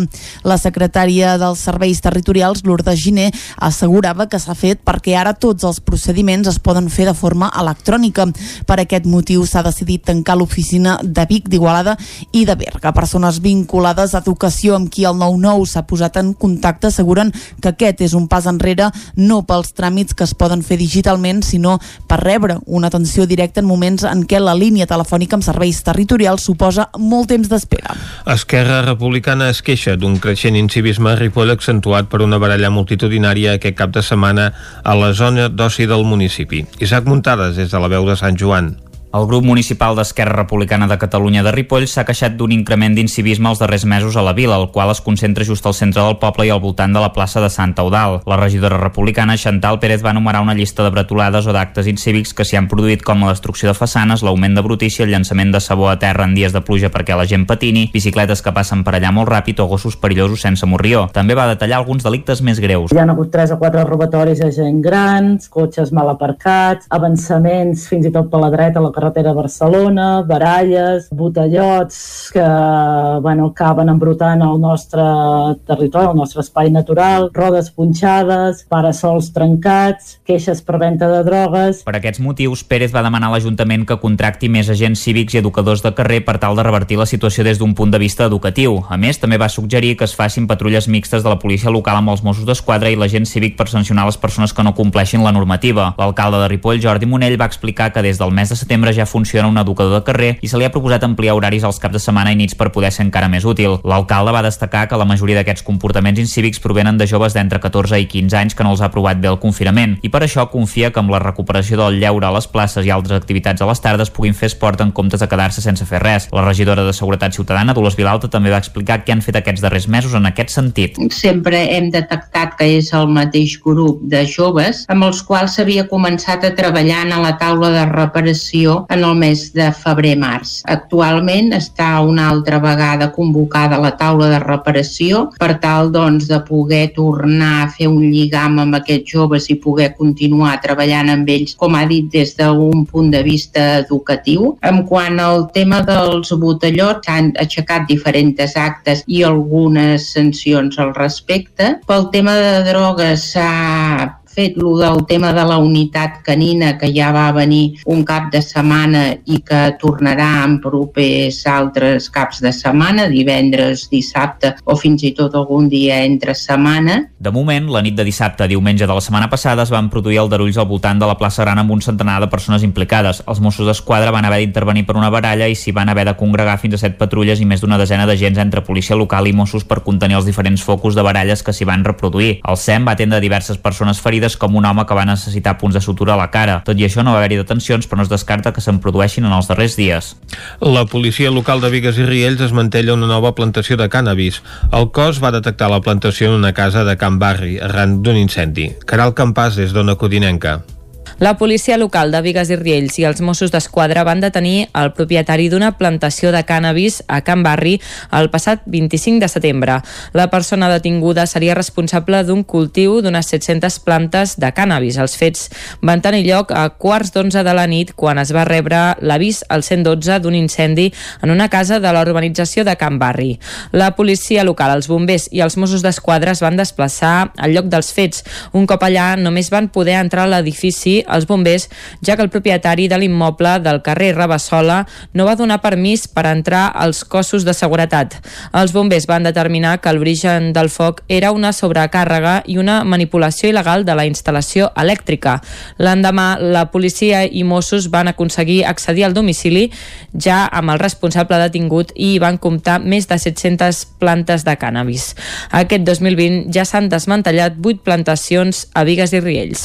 La Guàrdia Urbana de Vic va instruir diligències judicials a una veïna de Vic, de 40 anys, la matinada de divendres, que hauria conduït sota els efectes de l'alcohol. Segons van informar els agents, va ser al carrer Josep Maria Pallàs al voltant d'un quart de quatre quan van localitzar un vehicle estacionat ocupant una part del carril de circulació i amb el motor engegat. A dins, la conductora estava adormida després de despertar-la li van realitzar la prova d'alcoholèmia en la qual va donar un resultat de 0,89 mil·lígrams per litre en la primera i de 0,85 en la segona. Nou pas per tirar endavant l'allargament reivindicada de trans... l'allargament reivindicada transformació del carrer Venezuela al límit entre Granollers i la Roca. David Auladell, de Ràdio Televisió, Cardedeu.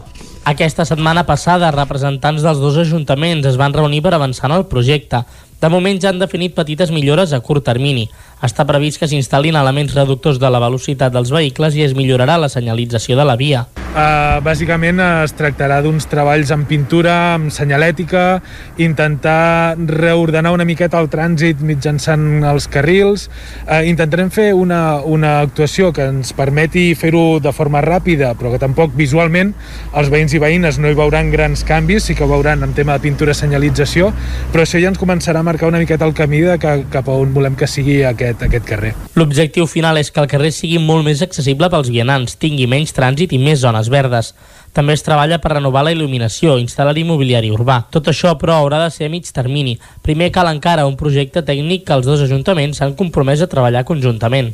Realment, fer un projecte d'aquestes característiques entre dos ajuntaments i amb un carrer tan complexa realment som conscients i, i, així, i així ho hem de dir, no ens n'hem d'amagar que ha de ser un projecte que ens l'hem de mirar bé, l'hem de fer amb, amb, amb molta cura i per tant ens portarà un temps en poder-lo elaborar, en poder-lo provar i que definitivament es pugui licitar l'obra i, i poder-la fer realitat. La massificació del carrer Venezuela és una antiga reivindicació del veïnat de la zona. La idea és que el projecte final estigui consensuat també amb ells. Arrenquen a Osona els actes per commemorar el Dia Mundial de la Salut Mental. El primer acte arribarà aquest vespre amb una sessió especial de Cine Club Vic i una xerrada adreçada a periodistes amb l'objectiu de resoldre dubtes sobre el tractament de la salut mental als mitjans de comunicació. La situació que s'està vivint arran de la pandèmia està comportant una sèrie de problemàtiques i dificultats no només sanitàries sinó també socials i de gestió psicològica. És per aquest motiu que en el marc del Dia Mundial de la Salut Mental s'ha decidit tractar aquesta temàtica a través d'una conferència en línia el 5 de novembre i a través de diverses sessions a les biblioteques d'Osona. Tal com es pot consultar el programa, també hi ha prevista una conferència telemàtica per parlar de la síndrome de Burnout que poden patir els professionals de l'àmbit dels afers socials. I fins aquí el butlletí informatiu de les 10 del matí que us hem ofert amb les veus de Vicenç Vigues, Clàudia Dinarès, David Auladell, Caral Campàs i Isaac Muntades. De seguida anirem cap a l'entrevista, avui per conèixer algunes novetats del Carnaval de Torelló, que es farà al febrer, evidentment, de l'any que ve.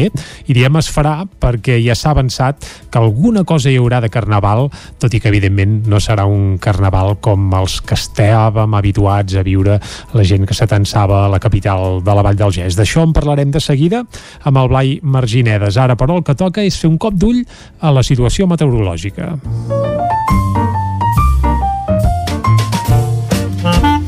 Casa Terradellos us ofereix el temps. I vinga, qui ens porta el temps és el Pep Acosta. Bon dia, Pep. Hola, bon dia. I bona hora. Avui serà un dia molt tranquil. Uh -huh. Aquest matí, pujada les temperatures, molt de sol aquest matí, gairebé no hi ha, no hi ha cap núvol, alguna boirina, però bueno, molt poca cosa, molt, molt de sol, molt de tranquil·litat, i de cara al migdia, Aviam. les temperatures pujaran, pujaran, hi haurà valors de 24, 25, 26 graus les màximes. Oh, això és màniga curta, per ja. tant, eh, les temperatures seran molt, molt suaus. Uh -huh. Jo crec que veurem fins i tot alguna màniga curta, els jocs més càlids en les comarques de cara al migdia, i les temperatures, com deia, seran molt, molt suaus, molt agradables, i és que estem a, hem, veient un cap de setmana gairebé d'hivern i avui tenim un ambient ja molt més normal per l'època de l'any. Uh, augmentaran les temperatures respecte a cap de setmana poder entre 7 i 8 graus les màximes. Per tant, ja veieu que l'augment serà bastant, bastant notable.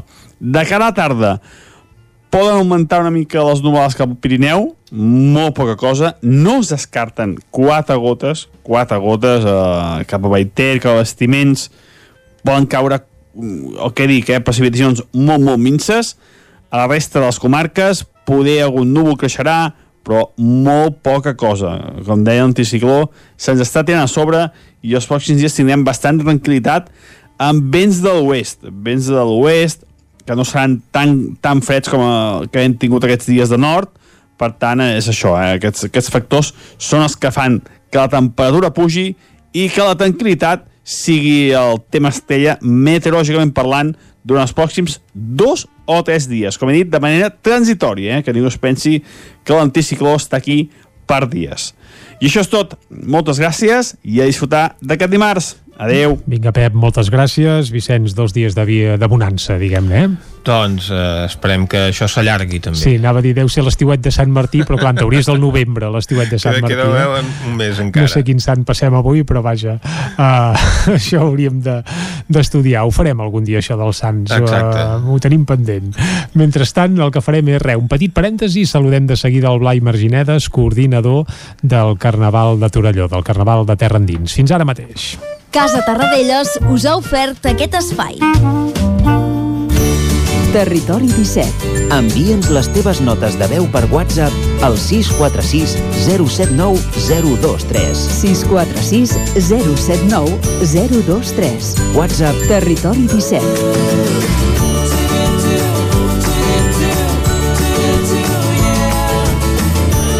Territori 17. Som a Facebook, Twitter i Instagram amb l'usuari Territori 17.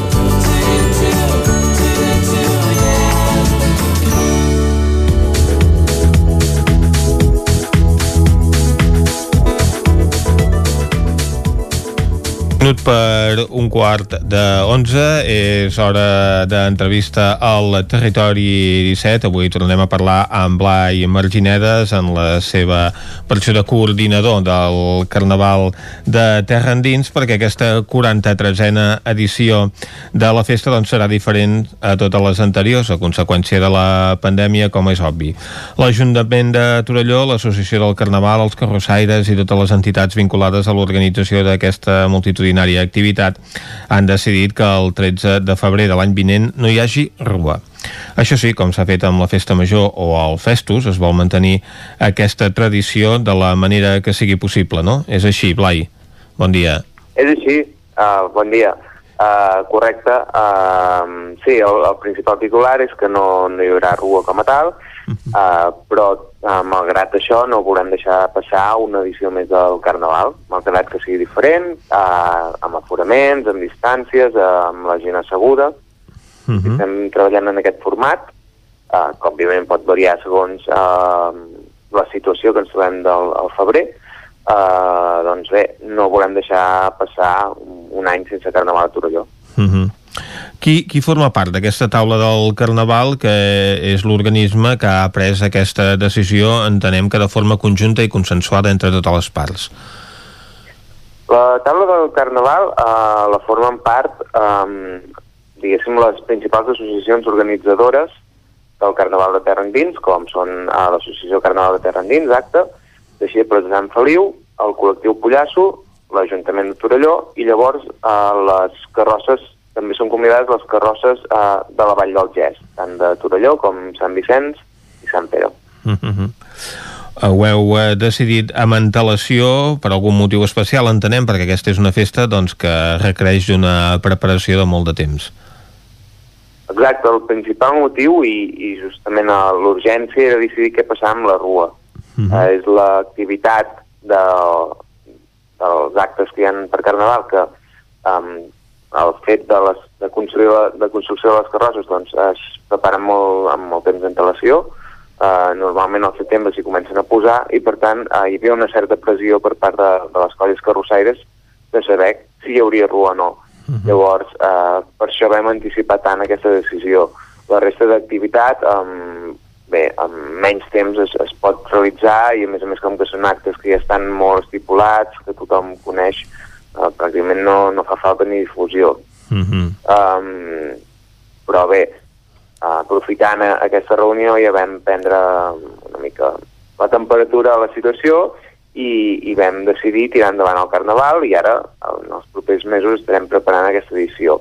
Sé que hi ha una mica les línies generals ja estan, ja estan pensades, no, no pensaré res, uh, perquè tampoc, tampoc, uh, tampoc podem. Um, però bé, jo crec que, que malgrat la situació estem plantejant un carnaval que sigui atractiu i amb, i amb novetats.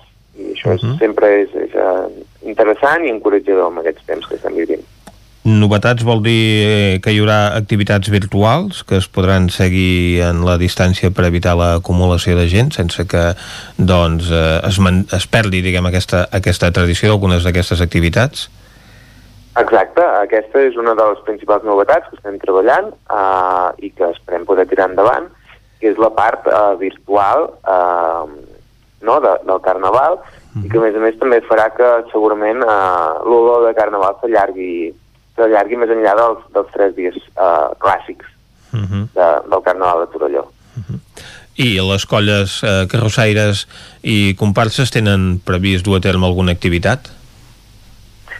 Aquesta és la idea. Ara estem treballant um, justament substituir la cua és la part uh, més complicada, més difícil, no?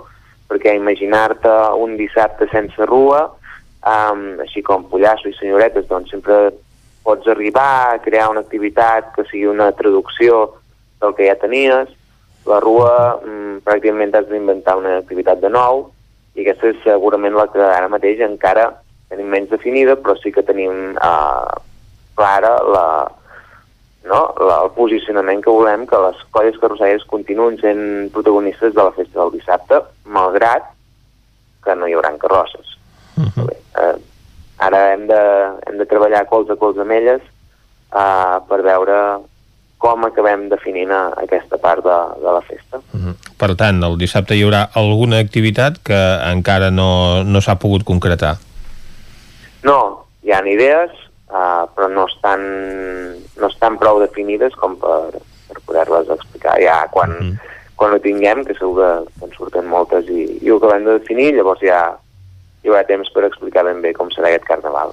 Perquè aquesta activitat eh, amb les entitats carrossaires com, com es finançaria, tenint en compte que ara és el moment no? que tots aquest, aquests col·lectius doncs, comencen a recollir els diners de la gent que hi participa per poder finançar doncs, la construcció de la carrossa. Sí, aquest és un dels reptes que tenim per davant, el tema del finançament en si, no només de la, del, de la rua o de les carrosses en si, no? perquè totes les carrosses són autosuficients econòmicament. Uh -huh. uh, vull dir, més enllà dels premis que es puguin guanyar, i tampoc és un, un no és un ajut que sigui segur. N'hi ha algunes que sí que, que guanyen i unes altres que no, que no ingressen res a nivell de premis. Per tant, uh -huh. tampoc és un ajut assegurat. Uh, llavors, el, el principal finançament és, és això, és a través dels participants de la pròpia carrossa uh, i amb aquests diners ajuden tant a construir la carrossa en si com també el que és el vestuari, que potser és la part més cara de la carrossa, uh -huh. uh, o el beure, o el menjar, o l'equip de so, que també és una part molt cara. Uh -huh. Llavors, bé, el fet de que sigui en un mateix espai sí que hi ha un seguit de despeses que la carrossa es podrà... O sigui, no, no les haurà d'invertir, com pot ser l'equip de so, Um, llavors hem de, hem de valorar, estem valorant com, quina fórmula fem servir en aquest cas. Òbviament, um, i això l'Ajuntament també n'és conscient, aquest any um, els ingressos no seran els d'altres anys. Uh, el ball um, ara mateix no es planteja com a tal, uh, o si més no amb, les, amb la dinàmica que hi havia hagut a, en, en altres edicions, per tant també un, el principal ingrés uh, de l'activitat de dissabte uh, per part de l'organització tampoc hi serà. Uh mhm. -huh. Llavors, bé, per això també no podem avançar gaire res perquè encara estem en aquest debat de, de com serà aquest format i, òbviament, la part econòmica és molt important Clar. no? a tenir-la en compte i uh, sí que és cert que estem treballant de forma molt transversal i això és una part positiva que, que ens ha portat a, a una mica tota la, a la pandèmia, no? Si uh mhm. -huh. hem de treure alguna cosa positiva, una d'elles és aquesta, no? El, la importància de poder treballar molt més units, eh, compartint molt més els recursos que tinguem i segurament eh, doncs no fer una, un, una activitat tan competitiva com podia ser la Rua, sinó una cosa més cooperativa i més de cohesió. Uh mhm. -huh perquè amb, amb l'Ajuntament diguem hi ha bona entesa i predisposició de poder tirar endavant en la mesura del que sigui possible aquesta festa, no?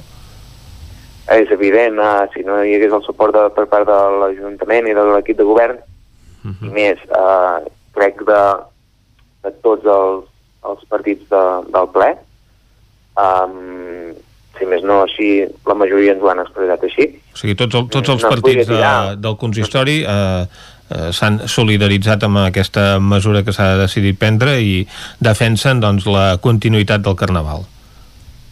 Uh, sí, aquesta és la sensació que tenim, si més no, um, dels partits que van assistir a la taula de, de mm. Carnaval, mm. aquesta extraordinària que vam fer el 7 de setembre, mm -hmm. uh, que donaran el suport total a les entitats del poble. Mm -hmm. També és cert que el fet que es pogués fer festa major um, ha sentat un precedent a Torelló i el fet que anés tan bé, no? que els uh -huh. resultats fossin tan bons, doncs ens ha permès tirar endavant un festus i en, crec que també ens permetrà uh, tirar endavant un carnaval. Uh -huh. mm, jo, bé, com a coordinador només agrair el, el suport per part de la, això, del consistori uh, que ens doni suport que, així com altres um, poblacions, uh, fins i tot poblacions properes, doncs, estan retallant a nivell d'activitats, uh, culturals, um, doncs aquí Torelló s'aposta per un, un espai d'oci segur, uh -huh. que a més crec que és necessari, perquè si tu comences a retallar espais d'ocis on la gent hi pugui assistir i socialitzar de forma segura, tenim distàncies, etc etc etc, això fa que la gent es, bus es busqui altres espais d'oci que potser no seran tan segurs. Llavors uh -huh. també és una mica un peix que es mossega la cua. Uh -huh. Llavors crec que fent aquesta aposta amb, és una part important del treball eh, cap a una certa normalitat. A més a més de l'impacte econòmic, que, òbviament aquest any serà molt menor que altres anys, però que té el Carnaval dintre de Torelló. Uh mhm. -huh. mm, doncs bé, potser també hem de plantejar això, no? de donar suport al comerç local i anar fent accions en aquest sentit. Tot això se n'ha de parlar. Uh -huh. I és el que tenim, eh, és la feina que tenim en els propers mesos, però que crec que, que és important de, de dir això, que no, no només és una festa de disbauxa, no? És, jo crec que hi ha un rerefons uh, social, és un motor uh, social a Torelló, el Carnaval. Uh -huh. I crec que ho ha de seguir demostrant més en, un, en una època com aquesta. Uh -huh. De fet, si ens hi fixem en diferents poblacions que organitzen carnavals assenyalats, doncs aquestes últimes setmanes ja es van posicionant sobre quina serà doncs, la seva versió de l'any 2021. Sitges i Vilanova doncs, també reformulen els carnavals en la mateixa línia que Torelló, el mateix estan fent algunes poblacions a la Costa Brava com a Platja d'Aro a Sant Feliu de Guíxols. A, a Roses al Vendrell ja han dit que suspenien el carnaval. A Solsona encara no se sap mm, però vaja, en línies generals una mica tots estan adoptant el mateix posicionament que Torelló, no? Sí, sobretot aquells que són més participatius uh -huh. um, i, i, que, i que realment allà on el carnaval té una, una empesa rellevant um, jo crec que és això, que fan el pas d'intentar uh, tirar-ho endavant, perquè és important, a nivell anímic també de la població. Uh -huh. Jo crec que és important intentar uh, tornar uns certs hàbits que havíem tingut, no? Uh, la crisi aquesta ha sigut molt bèstia, de fet parlàvem, recordo, el, el mes de febrer i em demanaves Uh, si havíem pensat en, en anul·lar el Carnaval com havia passat en el Carnaval de Venècia, uh -huh. i en aquell moment és que ni em passava pel cap, vull dir, vam viure el Carnaval que encara fèiem broma de la Covid, no? amb, amb la mort de la reina fèiem sàtira del uh -huh. tema, i al cap de tres setmanes estàvem ja confinats tots, no? Exacte. I, I clar, tota la vivència d'aquests mesos ha sigut, ha sigut molt bèstia. Llavors bé, el, en un inici també és cert que el, el veure com ha anat tota la situació ja jo tinc la sensació que, si més no, tothom s'esperava que la rua no es podria fer, uh -huh. però la rua no és l'únic de Carnaval, per sort, i llavors, per tant, tenim molt, molts més elements que sí que es poden transformar en una altra activitat que podrem tirar endavant i, per tant, d'alguna manera o altra, hi haurà un carnaval 40 res, també en, en mode de tàxida li hem volgut dir així, uh -huh. uh, coincidint amb el 43è carnaval, uh, i, i bé, Mm, serà un carnaval diferent, però que segur que, que portarà moltes coses que, que quedaran, que serà no? que serà recordat per ser diferent a tota la resta. Doncs n'anirem parlant aquí de com evoluciona l'organització d'aquest carnaval. Gràcies, Blai Marginedes, per acompanyar-nos. A vosaltres. El 9 FM. El 9 FM. Calçats Mariona. Tenim les últimes novetats tant per home com per dona. Atenció personalitzada. Us ajudarem a trobar el millor calçat. Obrim de dimarts a dissabtes i també diumenge al matí, coincidint amb el mercat setmanal. Calçats Mariona. Som al carrer Socors 21 de Centelles. Telèfon 603 59 10 13. També ens trobaràs a Facebook i Instagram. Només pensar en passar aquesta nit sense calefacció amb aquest fred? No es preocupi, hem analitzat a fons la caldera i de seguida quedarà reparada i en funcionament. Quan tingui un problema amb la seva caldera, vagi directament a la solució. Truqui sempre al servei tècnic oficial de Saunier Duval i despreocupis, perquè som fabricants i coneixem les nostres calderes peça a peça. Informis a Oficiat Nord trucant al 938860040. Saunier Duval, sempre al seu costat. Vols trencar amb l'oligopoli de l'IBEX 35? la força i. Apunta't al consum estratègic i comença a consumir serveis catalans. Per això et convidem a omplir el dipòsit a Petrolis Independents. A Osona ens trobaràs al polígon Mas Galí de Vic i a Centelles just després de la sortida sud. Si vols factura, entra a la nostra pàgina web petrolisindependents.cat i dona't d'alta. Comença a ser independent. Tenim la força de l'amor. Cocodril Club. Si t'agrada la bona música dels anys 60, 70 i 80, escolta el 9 FM als matins de dissabtes i diumenges d'11 a 1. És el temps del Cocodril Club, tot un clàssic de la ràdio, amb les bases del pop-rock, les llegendes, les cançons que s'han convertit en autèntics himnes. Recorda, dissabtes i diumenges al matí, d'11 a 1, al 9 FM 92.8. Cocodril Club, el programa revival de l'Albert Malla.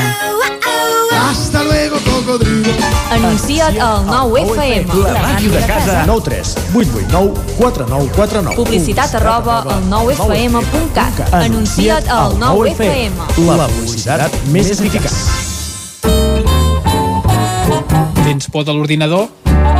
Vine al Magí. Amb les nostres píndoles digitals aprendràs la diferència entre internet i el núvol, com utilitzar el mòbil i les apps, i si ets professor dominaràs el Classroom.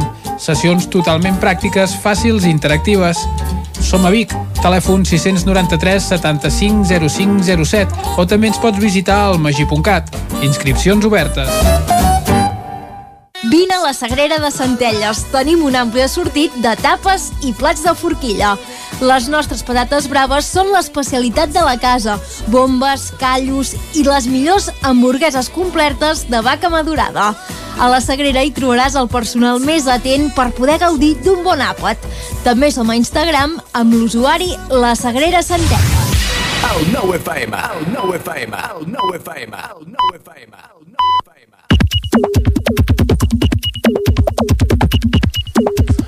Són dos quarts onze i és hora de veure què s'està coent ara mateix per Twitter. Ens acompanya per fer-ho la Natàlia Peix. Bon dia. Hola, bon dia.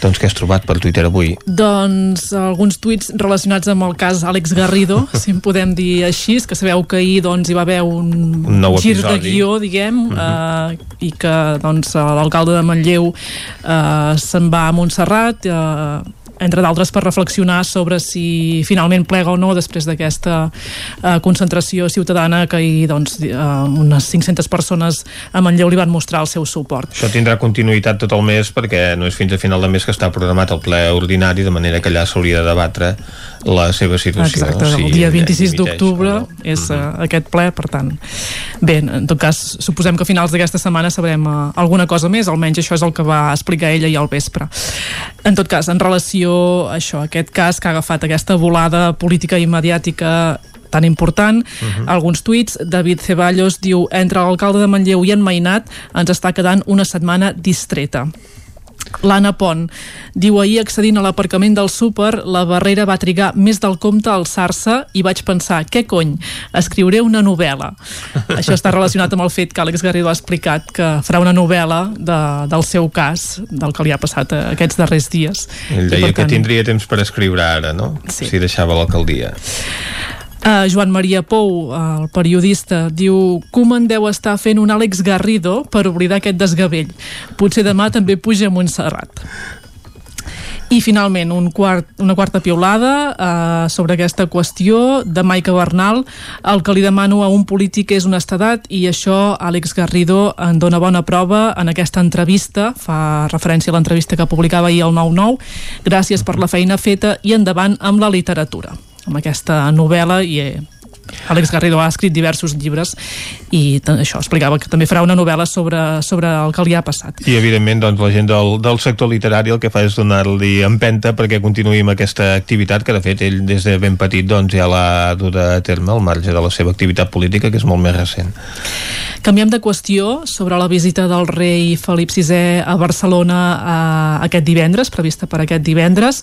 Enric Xicoi diu Ada Colau ara fa el buit al monarca i se n'adona quan hi ha indicis clars de corrupció borbònica, però no en canvi els últims tres anys després d'haver estat còmplice de violència repressiva de l'octubre de 2017 i eh, Tati Furriols, Carles Furriols, jo pensava que a Madrid estaven confinats, però el rei Felip VI vindrà divendres a Barcelona. Es mereix una bona rebuda, oi? I cita l'Assemblea, Òmnium, Òmnium, el Consell per la República, l'Associació Catalana de Drets Civils i el CDR. Segur que serà allà, doncs. Uh, anem al ple de Vic d'ahir uh, en què prenien possessió els dos nous regidors de Capgirem Vic.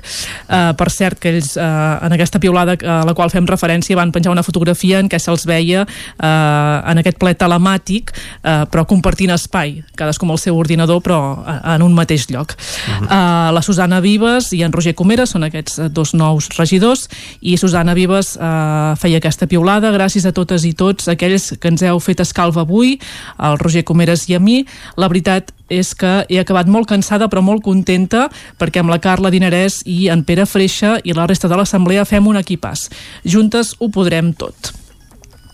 Un altre regidor de l'Ajuntament de Vic, en aquest cas d'Esquerra Republicana, Josep Lluís Garcia, eh, fa referència també a una notícia d'aquests últims dies, que seria aquesta suposada agressió sexual eh, de Quim Arrufat, que hauria provocat la seva sortida de, de la CUP. Uh -huh. eh, I Josep Lluís Garcia diu un protocol intern basat en el silenci, la complicitat i la confidencialitat i un d'extern basat en l'assenyalament i el setge mediàtic han de ser compatibles. L'advocada Teresa Rossell. Avui, en teoria, el Constitucional decideix sobre la inhabilitació del president Torra. A la pràctica, dirà que ho deixa per un altre dia o, com que hi ha recurs al TCJ, no s'ha esgotat via interna o que el propi govern i Parlament ja l'han donat per inhabilitat. I dos huevos duros. Així ho tanca. I sobre una notícia mm, de VilaWeb, l'Audiència 2 que confirma la sentència que ordena el trasllat de les pintures murals de Sixena Uh, Judit Verdaguer, conservadora del Museu Episcopal de Vic, diu això suposarà la seva destrucció. Aneu a veure-les abans no sigui massa tard. I Enric Calpena, periodista, escriptor i professor universitari, respon a Judit Verdaguer assenyalant uh, la següent piulada. Diu, ho diu la Judit Verdaguer, una de les principals conservadores d'art medieval del país. Per tant, convida a fer-li cas. O sigui que hem de prendre nota, efectivament. Uh, prenem nota ara, si et sembla, del que està traient en portada el al 99.cat? Sí, a l'edició del Vallès Oriental, els tres primers titulars són els següents. L'Ametlla inicia els tràmits per renovar el Pla General de 1987. Els Premis Porxà de 2020 distingiran cinc establiments centenaris i desmantellen una plantació de marihuana a Vigues després d'un incendi. I pel que fa a l'edició d'Osona i el Ripollès, eh, com a primera notícia hi tenim masovers del segle XXI. Osona planteja un pla de masoveria urbana davant la necessitat d'habitatge de lloguer. Com a segon titular, el Coll de Cabra reivindica amb el Coll de Cabra Viu i eh, de tercera notícia hi ha aquesta entrevista també a la qual fèiem referència fa un moment a Àlex Garrido, una entrevista feta al cap de setmana que hi publicava el 99 i també el 99.cat amb el titular La decisió de plegar és estrictament personal. Molt bé, doncs en parlarem ara d'aquesta concentració d'ahir en suport a Àlex Garrido i també d'altres temes d'actualitat a la taula de redacció. Territori 17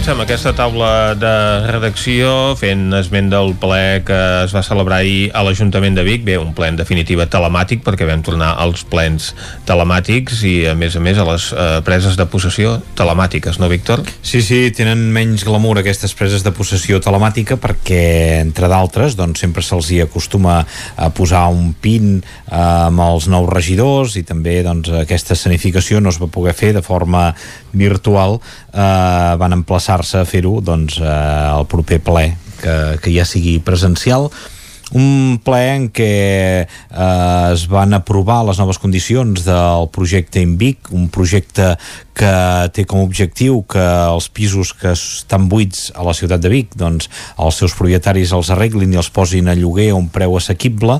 És un, el tercer any en què ja es fa aquest projecte, però fins ara no ha tingut gens d'èxit.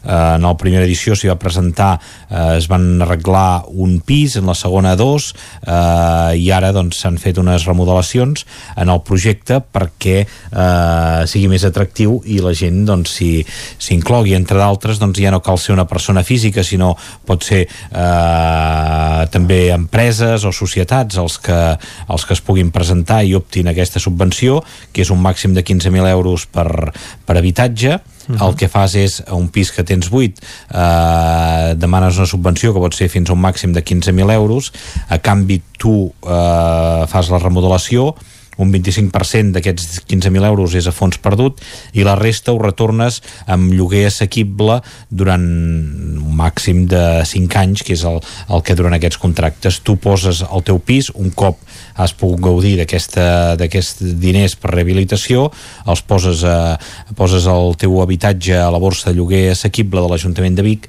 i eh, eh, has tingut doncs, aquesta remodelació de, de, del teu habitatge i la ciutat doncs, ha guanyat aquest aquests eh, pisos amb lloguer assequible. Uh, a Vic hi han diversos habitatges, hi ha la borsa de lloguer habitat de lloguer assequible, hi han 266, eh, una xifra que es considera elevada, tenint en compte que, per exemple, a Terrassa, amb una població de 215.000 habitants en té 574 o Mataró amb 125.000 habitants en té 81 uh,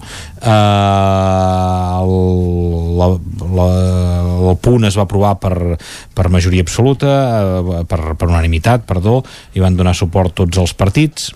I altres punts d'aquest ple doncs eh, hi va haver per exemple eh, una queixa per part de l'oposició per la poca informació o, o per no donar-los no donar tota la informació en el projecte que, que es havia impulsat de forma eh, conjunta amb tots els grups d'acabar amb la bretxa digital de la ciutat de Vic eh, un, un, i una queixa que ja es va evidenciar en un article conjunt de tots els grups de l'oposició publicat fa un parell de setmanes al 9-9 en què deien doncs, que després d'una declaració institucional de tots els grups de, de treballar perquè s'acabi amb la bretxa digital, doncs es van enterar doncs, que la regidora d'ensenyament eh, ja havia presentat a les escoles un conveni al qual encara no, no havien tingut accés els, els regidors de l'oposició i que participaven doncs, en aquesta declaració conjunta.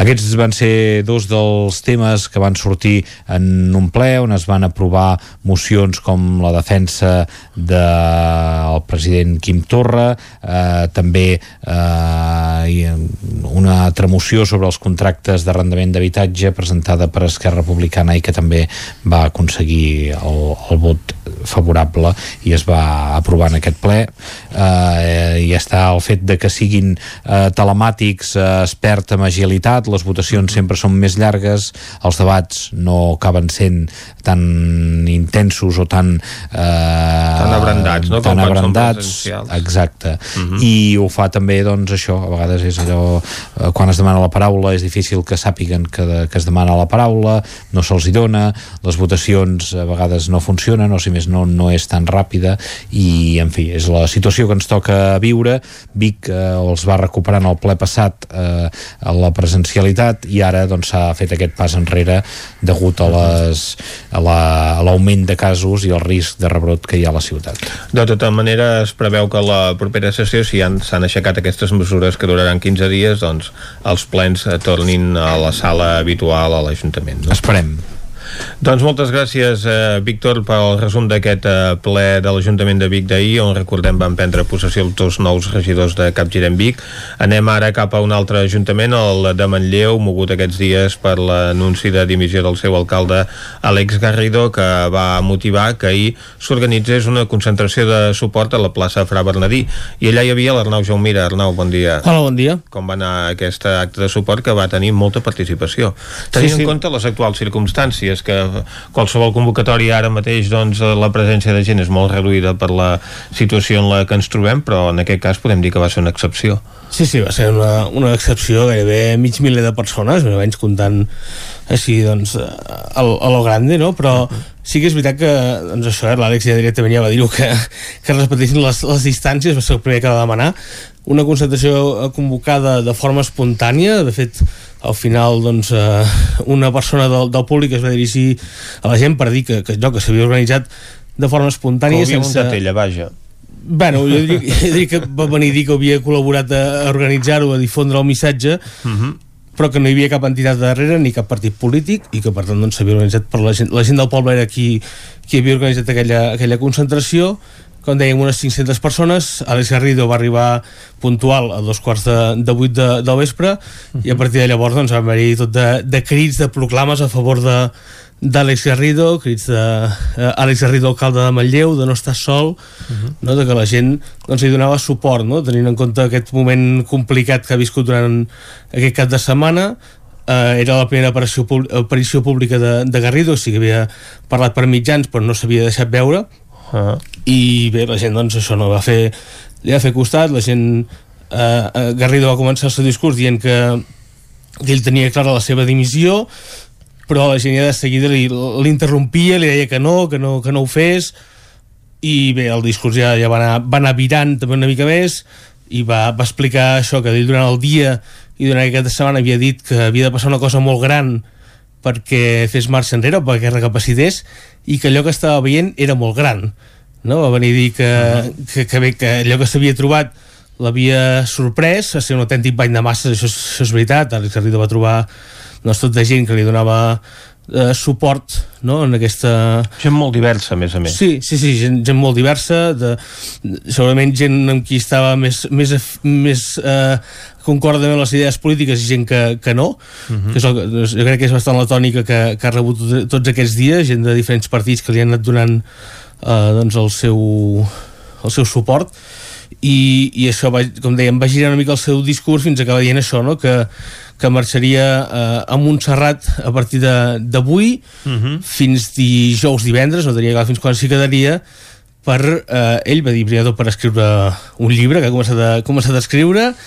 Eh, de fet això parlant amb, amb gent de Manlleu i, i de fet està publicant no? de que amb altres llibres ja ho ha fet no? s'ha anat, a- Sí, sí. anat a Montserrat a, a meditar per tant Ha escrit diversos llibres, per tant, aquest seria un mes. Sí, no, i a part, i a part que, que fa servir Montserrat com a lloc per inspirar-se, uh -huh. per, anar, per anar a desconnectar en una cel·la de, del, del monestir de Montserrat, que està a disposició de, de qui vulgui, és a dir, no és Sí, sí, perquè sí. sigui alcalde ni res semblant, sinó que pot anar-hi perquè, qualsevol. De fet, de fet se'n diuen cel·les, però no deixen de ser apartaments que Sí. qualsevol doncs, eh, turista, persona interessada en conèixer aquell indret, doncs eh, s'hi pot estar lliurement, no? Si pot estar lliurement com si fos un apartament, però també aquesta vessant no? més de meditació, més de reflexió, més de, de calma, que és el que fa servir a l'Àlex Garrido, perquè és això, després d'ahir, això, la, la, de me'n vaig a Montserrat, uh -huh. alguns mitjans van agafar una mica com si fos un acudit, no? Com si fes un... Ara me'n vaig a veure la moreneta, la moreneta que ens ajudi la moreneta, no?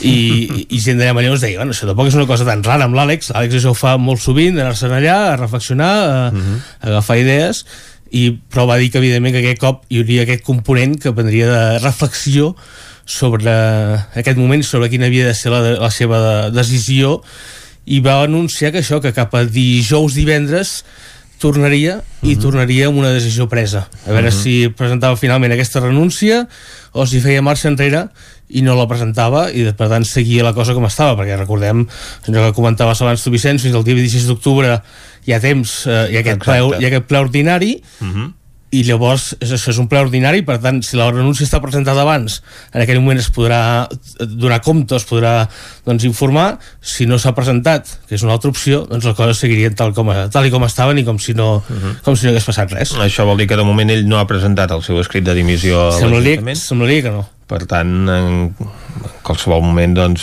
pot eh, decidir fer-ho o repensar-s'ho. Correcte. Ha deixat la porta molt més oberta la que, la que ho tenia perquè és això, durant aquest, aquests dies havia anat dient que la seva decisió era ferma, ahir va tornar-ho a dir però que es donava aquest, aquest temps de marge fins, fins divendres per acabar de, de rumiar-hi Moreneta ajuda, ens diu en un tuit el seu regidor Sí, del Sallarès. Sí, sí, hi uns quants, uns quants dits, un conte, de fet, un conte que hi ha de la, de la Moreneta, deien també que hi ha un conte d'aquests eh, així eh, fake, eh, de, per, per riure, no?, de la Moreneta, que deia m'han dit que puja un jove de Manlleu que, que, que em dirà a visitar aquests dies, no? Bueno, tothom, tothom hi ha sucat pa amb aquest, amb aquest tema de, de la Moreneta, per veure si, si treu l'entrellat de la situació de l'Ajuntament de Manlleu. Una visita, però que, com ens deies, no és excepcional en l'alcalde de Manlleu. Això mateix. Moltes gràcies, doncs, eh, per aquest repàs al que va ser aquest acte de suport a Àlex Garrido ahir a la plaça de Manlleu. Tanquem aquí aquesta taula de redacció, avui amb l'Arnau Jaumira i amb Víctor Palomar. Territori 17 Busca't la vida amb Cela Falgueres. Doncs tanquem la taula de redacció, Vicenç, i anem cap al Busca't la Vida amb la Txela Falgueres, a qui saludem de seguida. Txela, molt bon dia. Bon dia. Molt bon dia a tots. Bon dia, Vic. Bon dia, Territori 17. Ara, ara, bon avui dia a tothom. us porto... Sí, avui us porto una, una entrevista amb molt de ritme. Mhm. Una persona que trenca molles i que utilitza les xarxes socials per captar clients. No sé si podeu endevinar alguna cosa, perquè Home, amb això segurament que amb no. aquestes pistes, de moment anem perduts. No, podria encara. ser molta gent. Sí. Ara us donaré una altra pista. Eh, és la Irina Flake, una DJ catalana amb qui ja ens hem conxorxat per venir a Vic, us Ah, aviso, ah. eh? O sigui, atents al final de l'entrevista perquè el dia que sortim a la nova realitat i que puguem fer una moguda, us dono ara una pista. Recordeu que fa uns mesos vam parlar amb en Josep Anton Serrano de la Lola Van, DJ Track, eh, Luxury Van i tot allò? Doncs bé, per aquí van una mica els trets. Uh, podeu trobar tota l'obra musical de la Irina Flake a Mixcloud, la podeu trobar a Instagram, a arroba Irina Flake DJ, i també a YouTube. Us deixaré tots els enllaços a l'article que després farem a la web. Si us sembla, anem a que soni la música? A veure. Vinga, anem-hi, anem-hi.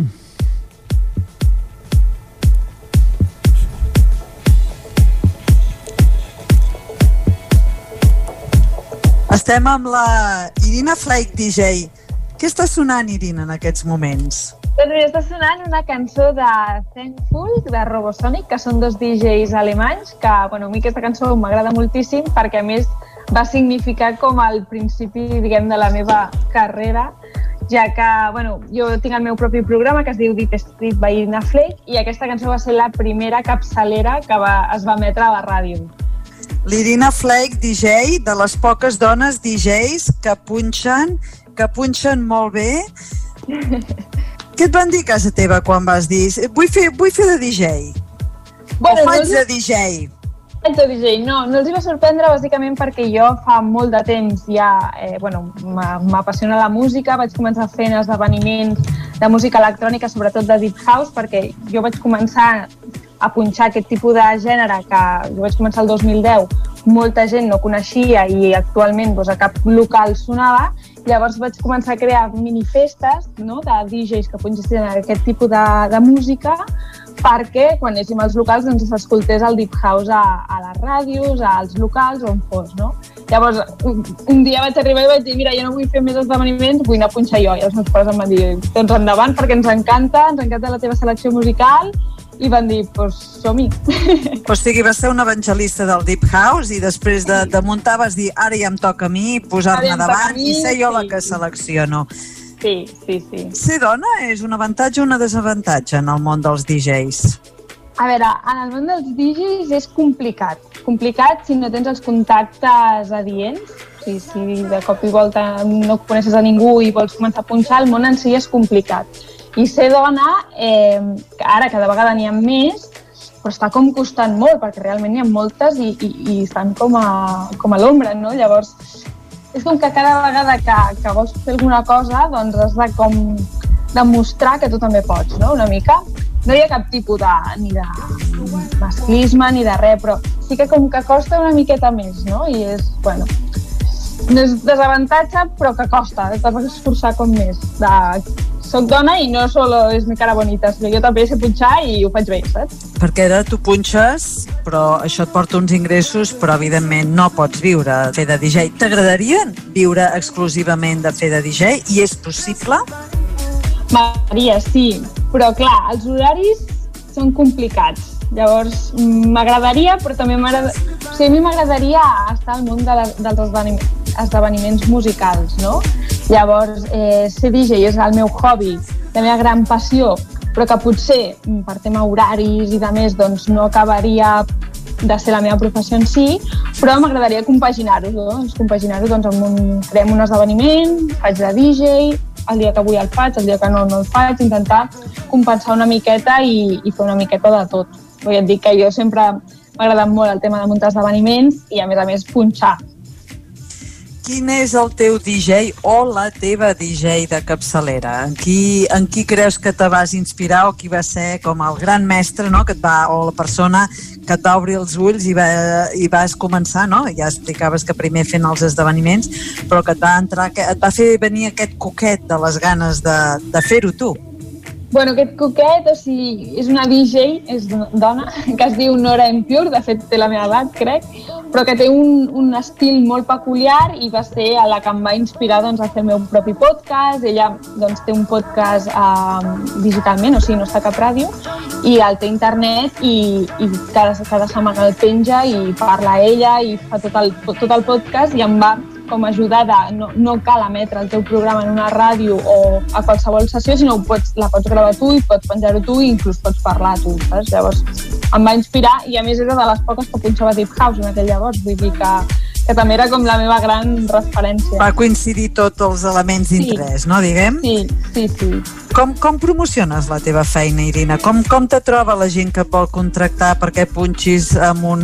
Bueno, després ens parles de quin tipus d'esdeveniment punxes música, però com et troben? Bueno, a mi la xarxa social va ser, ha sigut mm, Instagram, sobretot, la xarxa que més eh, he potenciat. A mi m'agrada molt la fotografia també i des del minut 1 vaig començar a potenciar Instagram i tot el que he aconseguit ho he trobat a través d'Instagram, a través dels missatges privats, que una vegada doncs, ja tenim un primer contacte amb els missatges privats i a partir d'aquí doncs, després per WhatsApp. I va ser així. O sigui, de fet, tot el que he trobat ha sigut gràcies a Instagram i al, és com el teu currículum, no? Eh, Vull dir, visual, perquè realment aquest món és tot molt visual, i per mi Instagram va ser una eina bueno, que em va anar molt bé, bueno, que em va molt bé, bàsicament. TikTok t'hi has posat, t'hi vols posar o ni ganes? O, o ho veus complex? TikTok, mm, bueno, ara amb els Reels d'Instagram jo crec que l'acabaran desban... bueno, l'acabarà tancant, pobre, com va passar amb Snapchat. Llavors jo sóc molt pro a Instagram, em sap greu, però encara estic arrelada amb Instagram.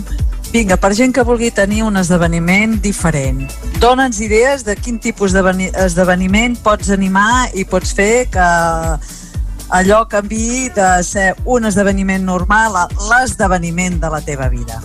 L'esdeveniment, bueno, doncs a veure, jo el que faig molt és la, la, la música que acompanya, diguem, el sopar, no? Que realment veus que la gent està no et fa molt de cas, no? però de cop i volta penses que bueno, doncs hi ha un peu que comença a ballar, després hi ha, hi ha una mica al cap no? i comença tot una mica i al final doncs, el sopar acaba sent doncs, que ve la gent a parlar-te, bueno, ara amb el Covid no, però abans venia la gent a parlar-te, m'encanta aquesta cançó, m'agrada molt perquè també ara punxo molt nudisco, que és molt eh, 80, amb, amb el bombo del Deep House, vale? llavors això ara la gent li encanta i és per tots els públics, no? Llavors, la, jo començo amb el sopar i després acaba això, sent la festa de... Es va animant, no? I tu, Es va animant, tu, sí, sí. Ah, qui, qui, tu has d'estar molt perceptiva quin és l'ambient que per dir, bueno, veig que ja n'hi ha un que comença a bellugar el cap, vinga, a veure si canviant la música, ara n'hi ha dos i tu has d'estar perceptiva i atenta, no?, el que està fent la teva el que audiència. passa que sóc una miqueta exclusiva, bàsicament perquè no punxo música comercial, vale? el meu estil de música és un estil de música que llavors ja em contracten per aquest tipus d'estil de música. He fet festes, he fet... Eh, fe, he fet mm, La BBC, no? Bodes, bautizos i com... bodes, bautizos, comuniones, però ja vaig decidir que, que no era el que a mi m'agradava i ara sóc molt selectiva amb el que agafo i abans ho agafava tot. Però arriba un moment que també te n'estàs anant una miqueta de la teva identitat i llavors això jo ho valoro molt i crec que és molt important i ja et dic que jo esdeveniments de fiestón, pocs. Faig més d'afterworks o de sopars, no? que acompanya molt més... Després també puc anar cap al tech house, que això pot acabar en una festa que, que vulguis, no? Però música comercial no, no punxo. Llavors, soc jo també una miqueta selectiva amb, el, amb els esdeveniments que agafo, la veritat. Tens alguna anècdota així curiosa? Bueno, mira, anècdotes, estava punxant en una fira gastronòmica i de cop i volta doncs, vaig acabar el meu bolo, no? Eren les festes del, del poble i de cop i volta coneixia el DJ que punxava a les festes del poble i vaig acabar l'escenari punxant amb ell. Que dius, no punxes música comercial? Doncs aquell dia vaig acabar el bolo i vaig acabar punxant reggaeton i el que em demanava el públic. Era una excepció. Escolta, es lliga, es lliga siguent DJ? Perquè hi havia aquella mentalitat abans que no, anaves a la... Parlo de la Sí, meva sí, joventut, no? I que, que tothom volia fer aquell va, toca'm, posa'm aquest o tal, i hi havia aquesta mena de component de, de lligoteig. Eh, es diga o no? Sí, i sent dona, imagina't, ja, a vegades... Costa treure-te les mosques? Sí, sí, sí, sí, sí. I a més, també hi ha sempre el típic de va, demana aquesta cançó i és el que tota la nit et demanen la mateixa cançó que dius, pues bé. Però bueno, sí, la veritat és que sí, i sent dona, pues, a vegades una mica fas bodes... Una mica, una mica una fins mica i tot cansat, sí. pesadet, no? Que dius, Pesadet. això ja ratlla una mica... Sí, Comencem sí, a, sí, a, amb assetjament, no? I segons a quines hores, si la gent ha begut una mica més... Sí, sí, llavors per això normalment ja no faig gaires bolos de nit d'aquests amb el col per mig perquè la cosa es desmadra una mica i tampoc, clar, tu estàs treballant realment, vull dir, Sí, sí, evidentment. Bé, clar que sí, però estàs treballant i és com, bueno, a veure... Deixa'm fer la feina. Sí, com com sí, t'ha sí. afectat, Irina, la, la Covid? Evidentment, amb totes les Bueno. restriccions... Um, amb les restriccions, per sort, jo he punxat molt de temps a un local d'aquí a Montgat, que es diu el Panoràmic, i, i bueno, amb el Covid ho tenen molt ben muntat perquè les taules tenien les distàncies de seguretat, estava tot net, ho anaven netejant cada vegada i no he tingut problema i he pogut fer alguns quants bolos aquest estiu. Però clar, altres bolos d'altres negocis que, que cada estiu em sortien, doncs clar, amb el tema de les restriccions bueno, ha baixat la feina molt, ha baixat bastant. Re, intentar doncs, que això vagi millor, no sé, ens hem de reinventar, no? Potser la Sí. cosa és aquesta.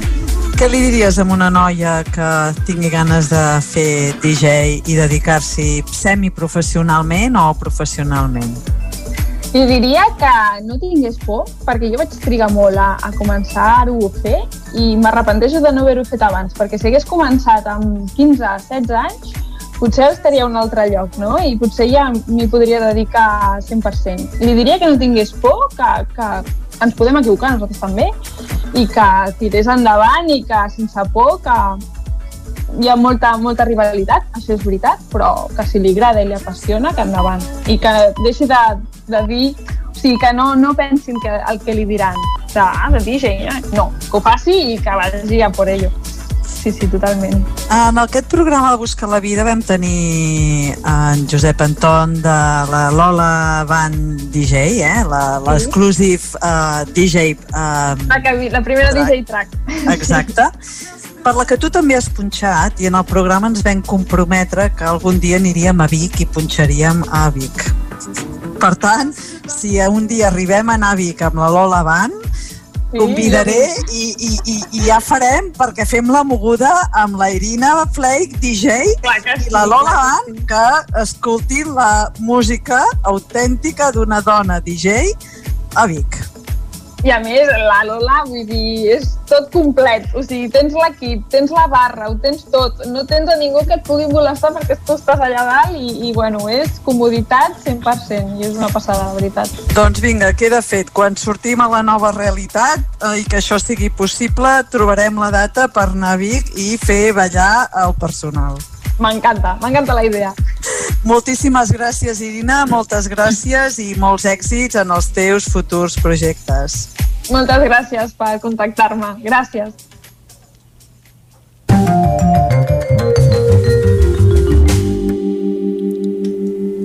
Bé, ja tenim un motiu més per voler sortir d'aquesta realitat, eh? Exacte, va, anar... Això, això de Vic passarà, eh? No sé si us ha donat bones vibracions, però l'entrevista amb la Irina és d'aquelles, bueno, espectaculars. A veure, tots els convidats que tinc, eh? Però aquesta és, bueno, espectacularment boníssima. Me va encantar la seva personalitat, una noia tan normalíssima.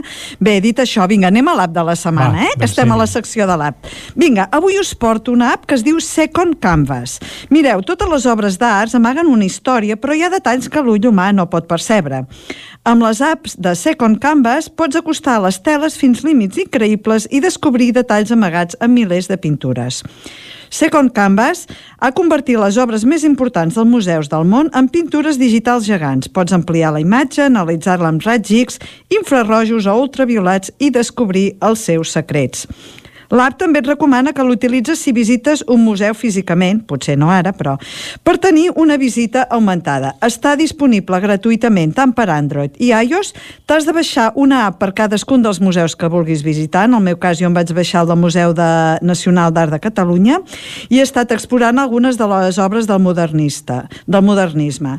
La veritat és que l'he trobat una app molt interessant, per tant, la meva nota és de 4 de 5 i anem a les notis de la setmana. Anem-hi. Bé, a part de que ja deu estar taladrats del Prime Day d'Amazon, que passarà el dia 13 i 14, això és la setmana que ve, però ja vas rebent anuncis anticipant tot, us he de dir que el Corte Inglés treu una app amb lliurament, amb tarifa plana que vol competir ni més ni menys que amb Amazon. El Corte Inglés ha llançat l'app per mòbils i altres dispositius a través de la seva financera, la targeta de compra, que permetrà als clients disposar de 500.000 productes amb lliurament en menys de 24 hores, on també s'inclouen articles de supermercat. Amb una tarifa plana de 19,90, que és més barata que la competència, els clients podran comprar a 36 de les 50 províncies del país i a 54 ciutats per entendre's en menys d'un dia. A més, els usuaris de la targeta de compra al Corte Inglés no paguen cap tipus de comissió comissió d'emissió o manteniment poden diferir fins a 60 dies les compres realitzades amb la targeta i triar entre diferents modalitats de pagament. Fins al moment, el Corte Inglés només tenia les apps per mòbils del seu supermercat i d'Hipercor, fonamentalment enfocades a l'alimentació i altres aplicacions merament informatives, però no comptava amb una aplicació des d'on es puguin realitzar compres de tot el catàleg de productes i marques dels grans magatzems, en particular del tèxtil. Bé, ja ho sabeu, eh, a veure com anirà aquesta lluita de titans. Fins aquí el programa d'avui. Ens retrobem dimarts que ve en un nou episodi de Busca la Vida. Doncs, Xela, moltes gràcies per tot plegat. Ens veurem aviat a Vic, esperem, amb la Irina, amb el Vicenç i amb tota la gent que s'hi vulgui apuntar. esperem. Va, una bona festeta, estaria bé. Mentrestant, esperem per això la setmana que ve, eh, amb un nou Busca't la vida. Que vagi molt bé. Vinga, gràcies igualment i quan falten re, 20 segons per les 11 i 5 minuts el que farem és recuperar de nou i acostar-vos de nou la informació de les nostres comarques, les comarques del Ripollès, Osona, el Moianès i el Vallès Oriental. Territori 17, amb Vicenç Vigues i Jordi Sunyer.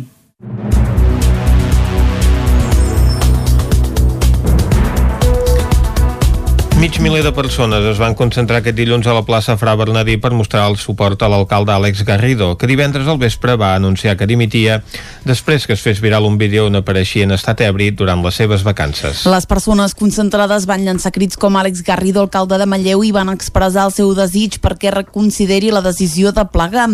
Garrido, que era present a la plaça, va dir que la difusió del vídeo és una maniobra orquestrada. També va deixar clar que ara mateix la seva decisió de plegar és ferma, tot i que marxa uns dies al monestir de Montserrat a donar voltes a la seva situació. Dit això, i comentant el que també deia abans, um, i entenent que és uh, una maniobra orquestrada, uh, també dol que um, aquesta gent se sortim la seva. També dol que uh, la maldat, la mesquinesa, s'imposin sobre la passió i sobre l'humilitat. I això també, permeteu-me, eh, hi hauré de donar el, alguna volta més. Jo avui ho he manifestat molt clarament. Eh, la meva decisió és ferma, però havia de passar una cosa molt gran per fer-me canviar d'opinió. Això que estic veient avui és una cosa molt gran. En l'acte hi van ser presents companys de partit com la consellera ripollesa Teresa Jordà, el president del Consell Comarcal d'Osona Joan Carles Rodríguez o el president d'Esquerra a la comarca Jordi Fàbrega. També hi havia els membres de l'equip de govern municipal integrat per Esquerra i Junts per Manlleu. Abans de tancar la concentració, una persona present a la plaça Fra Bernadí va voler dirigir unes paraules a l'alcalde i va deixar clar que l'acte sorgia de la ciutadania que el va escollir democràticament. Les restriccions imposades pel Procicat a Vic i a Manlleu durant dues setmanes per frenar la propagació del coronavirus redueixen a la meitat l'aforament de bars i restaurants, tant a l'exterior com a l'interior dels establiments. Els bars i restaurants s'estan adaptant a l'aplicació de les noves mesures aprovades pel Procicat per frenar el coronavirus a la capital usonenca i que s'aplicaran durant 15 dies. Aquestes restriccions prohibeixen a l'hostaleria el consum dels clients a la barra i també es limita l'aforament a un 50% de la, tant a l'interior com a l'exterior. Uh, Gil Corrius és el propietari del restaurant Albareco. Cada cop ens van limitant més i cada cop ens posen més difícil. Uh, teníem la sort a l'estiu que teníem la terrassa i podíem jugar molt amb la terrassa, podíem fer molta gent i ara cada cop ens estan posant més, més difícil. Aquestes noves restriccions a Osona han provocat una davallada de clients a l'hostaleria que tampoc remunta amb les comandes a domicili. A més, l'arribada del fred ha fet que les terrasses s'hagin començat a buidar. Mentre alguns locals ja han decidit guardar les taules d'exterior, alguns restaurants aprofiten els espais per suplir l'aforament que perden a l'interior. Sentim a Arzabet Montero i a Jana Lago Negro del 80 Sprit Vic i de la Tortuga, respectivament. Nosotros también tenemos terraza, lo que pasa es que yo entiendo que, bueno, la época no acompaña, hace mucho frío y a ver, estamos intentando y que nos pasando una, esto es lo que está pasando y si los creo que mis clientes están afuera pues se van a resfriar, ¿no? Y va a ser peor. La gent mm, té por i vigila, i llavors intenta evitar molts llocs públics com els bars, i això es nota. Vic i Manlleu mantindran les mesures durant com a mínim 15 dies. Aquestes hi han sumat iniciatives pròpies com el tancament de pistes esportives i de parcs infantils. Una tona de màgia, el Festival Internacional de Màgia de Tona ha superat en nota la seva cinquena edició, ajornada al mes de maig per la pandèmia. Les dues gales internacionals i l'off del festival, amb espectacles de carrer, són dues bones mostres de l'èxit d'aquesta edició. Una tona de màgia va omplir aquest cap de setmana carrers i sales del poble amb espectacles a càrrec dels diferents mags i magues. El festival va ser un èxit de públic, tot i el context de pandèmia mundial. Durant tot el cap de setmana, famílies van gaudir d'actuacions al carrer amb artistes emergents i grups locals. Jordi Pota és el director artístic del Festival de Màgia de Tona. Ha anat superbé aquesta cinquena edició, no esperàvem que es pogués ni realitzar, eh, fins al dia abans no sabíem si es podria fer o no es podria fer, però realment veiem que el públic, que els artistes, que els tècnics, que l'organització, els voluntaris, l'Ajuntament, els comerços, tothom eh, valora molt positivament aquesta cinquena edició, agraeix molt, estem rebent molt escalf d'agraïments, i no sé, veiem que la gent té ganes de que la cultura no pari, de, de fer les coses ben fetes. Uh, si veus que algú està molt a prop se li diu i t'ho agraeixen el punt fort del festival van ser les dues gales internacionals que van tenir lloc a la sala La Canal. L'encarregat d'obrir i conduir la gala va ser Maximiliano Ostia, que a base de trucs senzills i molt d'humor va entretenir l'audiència entre actuacions. Charlie Mack va estrenar l'escenari gran, deixant el públic meravellat amb l'art de fer aparèixer i desaparèixer aus de colors. Dels altres mags en van destacar Pep Bou, formant figures amb bombolles, i Huang Zheng, domant l'aire amb uns mocadors de colors. La traca final del certamen la va protagonitzar el reconegut McLari amb un número ple de màgia i rialles del públic. Reobre físicament la Biblioteca de Vigues i Riells. Es recomana la cita prèvia per fer ús dels serveis i la inscripció és obligatòria per poder fer les activitats. Caral Campàs, des d'Ona Codinenca. La Biblioteca de Vigues i Riells torna a obrir les portes després de les restriccions per la contenció de la pandèmia. S'ofereix servei a partir d'avui les tardes de dilluns a divendres de 3 a 8 del vespre i els dijous al matí de 10 a 1. A partir d'aquesta tarda es podrà accedir físicament a la biblioteca, gaudir del seu fons i de les seves activitats.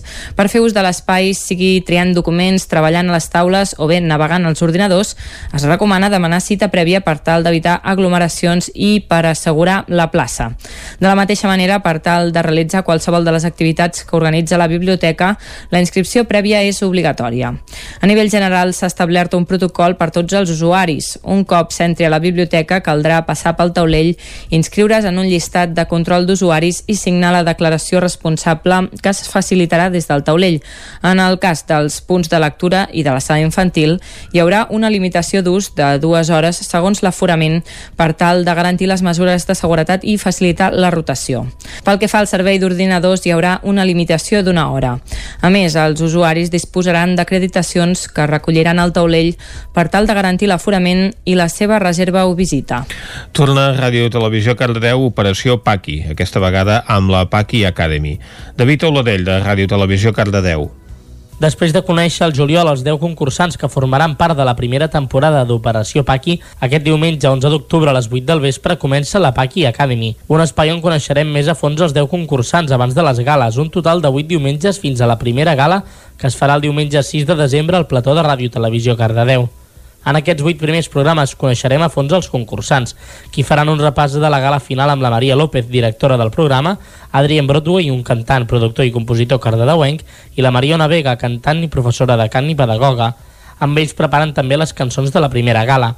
En aquests programes veurem també classes d'interpretació corporal amb el Marc Felipe i el Josep Casanova i una xerrada de l'actriu Caral Albinyana. Amb el Marc Maestro assajaran la cançó grupal per la gala final d'Operació Paqui i amb l'Amant Molero faran una sessió de dinàmica de grup.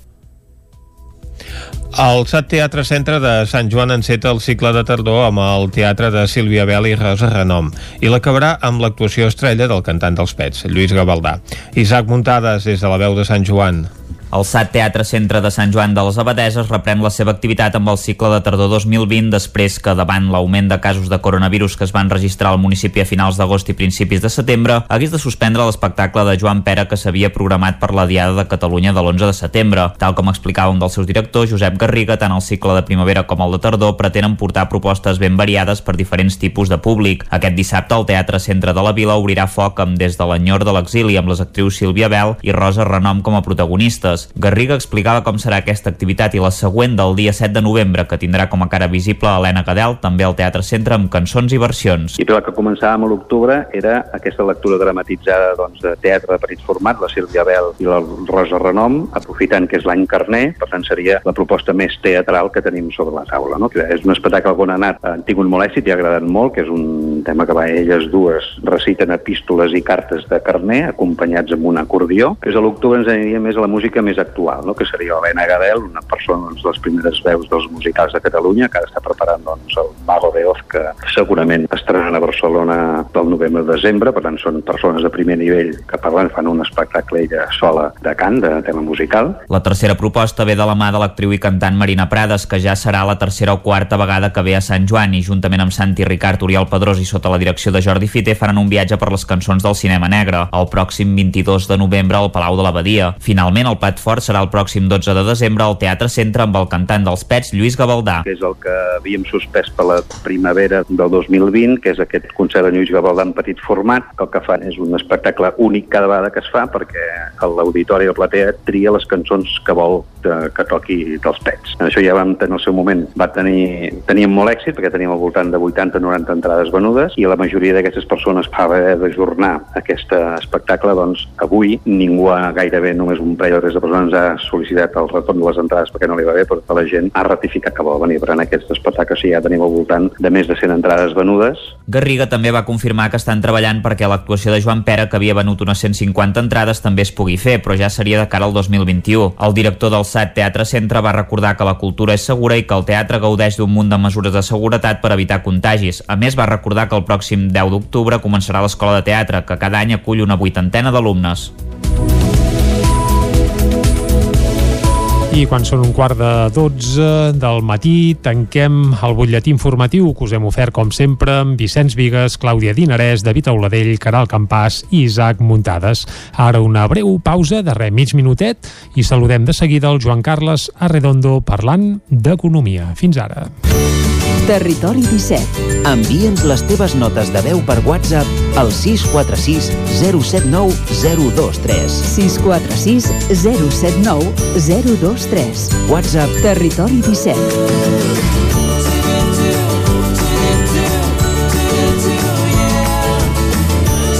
Territori 17. Som a Facebook, Twitter i Instagram amb l'usuari Territori 17.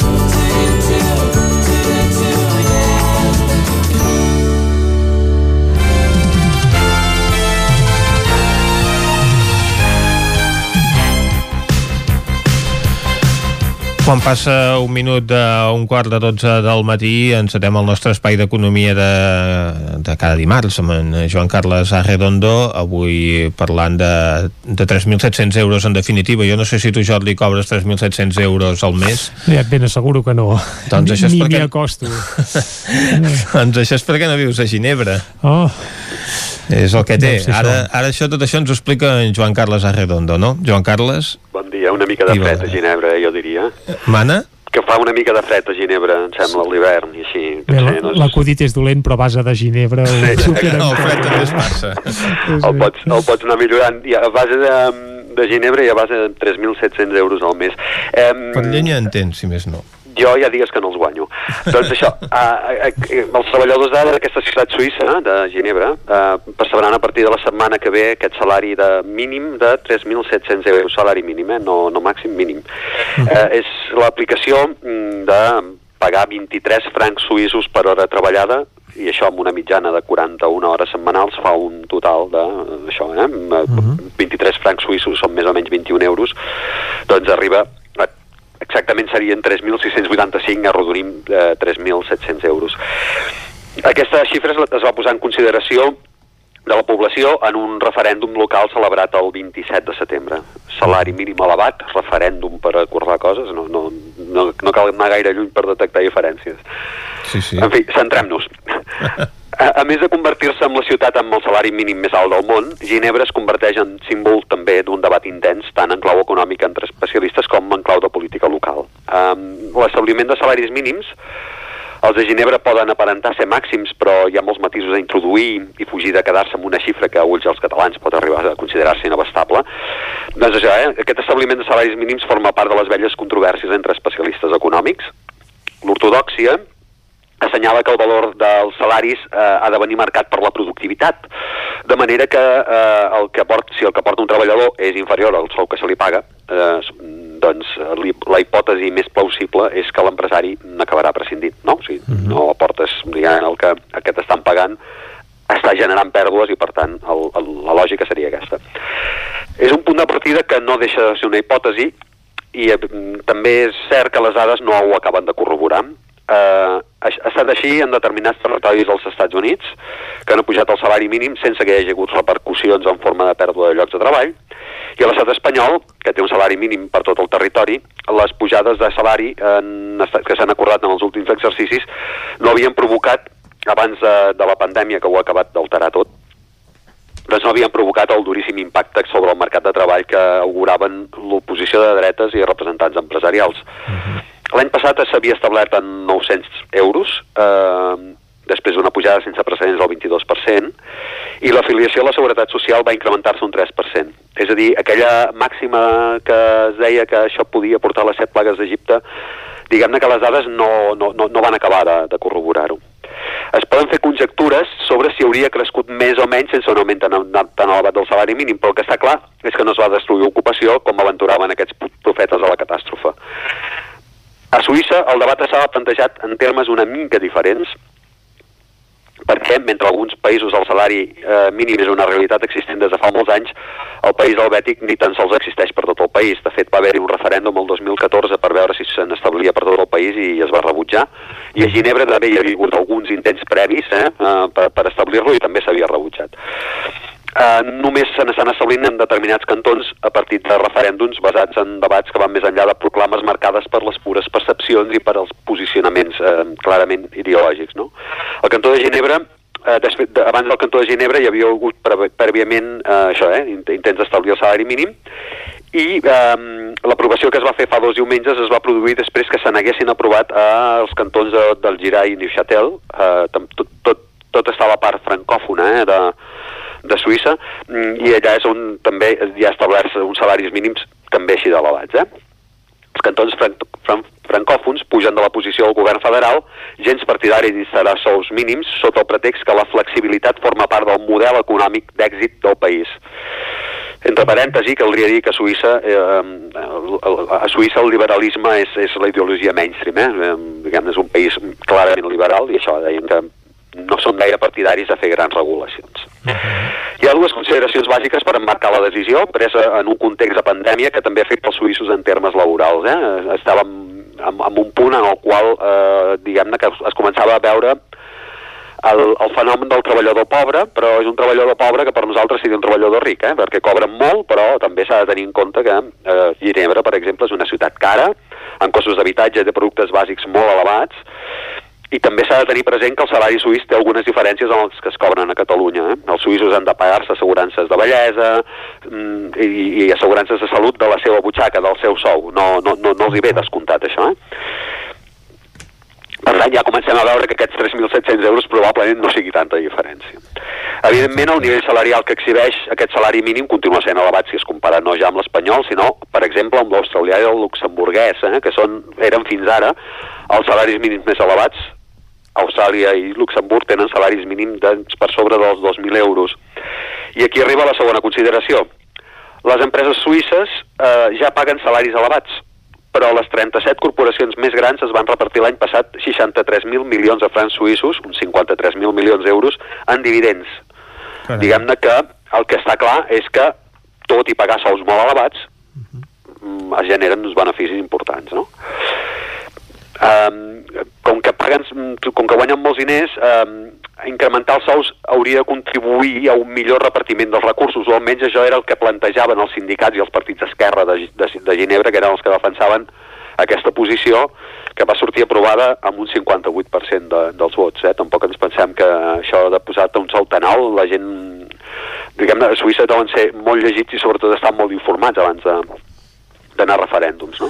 Bé, el que també està clar no, és que aquest sou no el cobrarà pas la majoria de la gent, sinó que si estem parlant del salari mínim, això vol dir que la majoria de la gent cobra molt per sobre d'aquesta quantitat. Ah, exactament, i això, guanyar molts diners, significa que els sous que guanyen mm, els guanyen perquè aporten prou productivitat, i no és aventurat que deu ser perquè el teixit productiu del país està basat en tasques amb una aportació elevada de valor.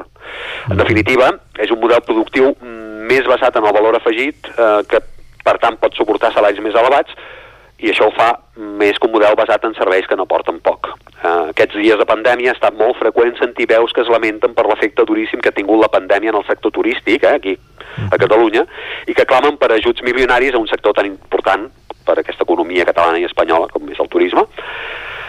L'impacte és innegable, com ho és també la importància d'aquest sector, però començaria a ser convenient que les aportacions demanen aportacions d'ajudes eh, diguem-ne, de l'Estat, aquests, aquestes aportacions vinguin acompanyades d'una predisposició per canviar tendències i començar a canviar condicions laborals més, per, condicions laborals més, més dignes, perquè a Suïssa s'està demostrant que els salaris elevats no estan renyits amb l'obtenció de beneficis. Eh? Per, per tant, aquí estem parlant d'un model econòmic amb sous molt baixos perquè diuen que hi ha molta poca, molt poca aportació de valor afegit, però igual mm, amb salaris més elevats entrem en una mena de cercle diferent, eh? que també més aportació d'impostos, etc que puguin eh, suportar millor l'estat del benestar, etc. Tot, tot aquest debat que, que hem anat tenint i que, mm, diguem-ne, que ara emergeix, diguem-ne, veient com a Suïssa eh, s'estan posant salaris mínims molt, molt elevats. El debat encara té altres arestes, eh, les, les rematem ràpidament.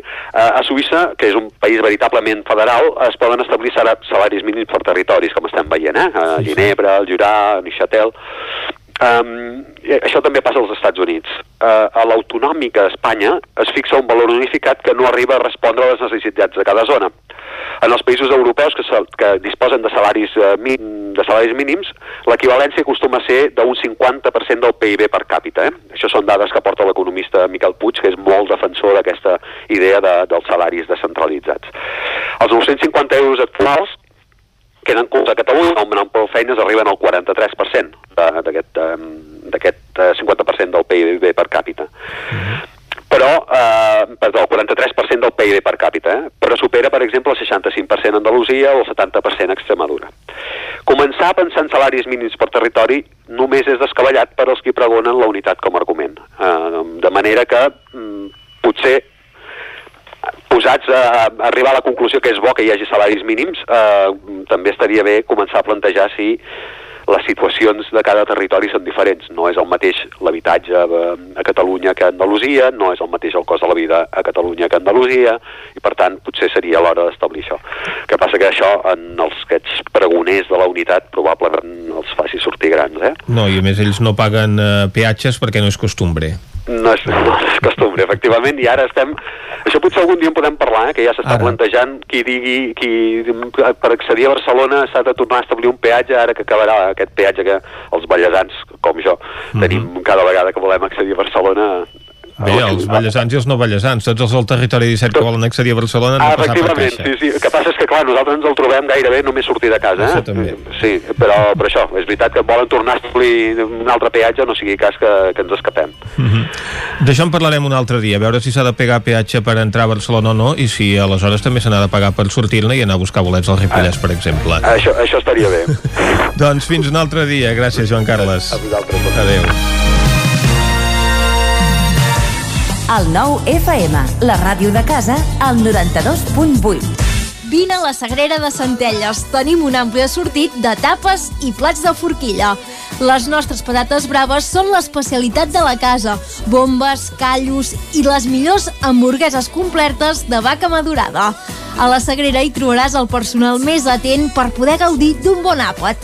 També som a Instagram amb l'usuari La Sagrera Centelles. I si aquest any fem el sopar d'empresa al racó de León? Mmm, podrem triar entre confitado de pato con salsa de ciruelas y manzana en compota o cochinillo asado la castellana con patatas teja i fer un aperitiu amb gambes i navalles. I de segon, filetes de lenguado rellenos de langostinos i musselina de frutos secos. I tot acompanyat del millor celler. El sopar d'empresa, al racó de León. Carrer Torelló 35 de Vic. Telèfon 93 889 1950.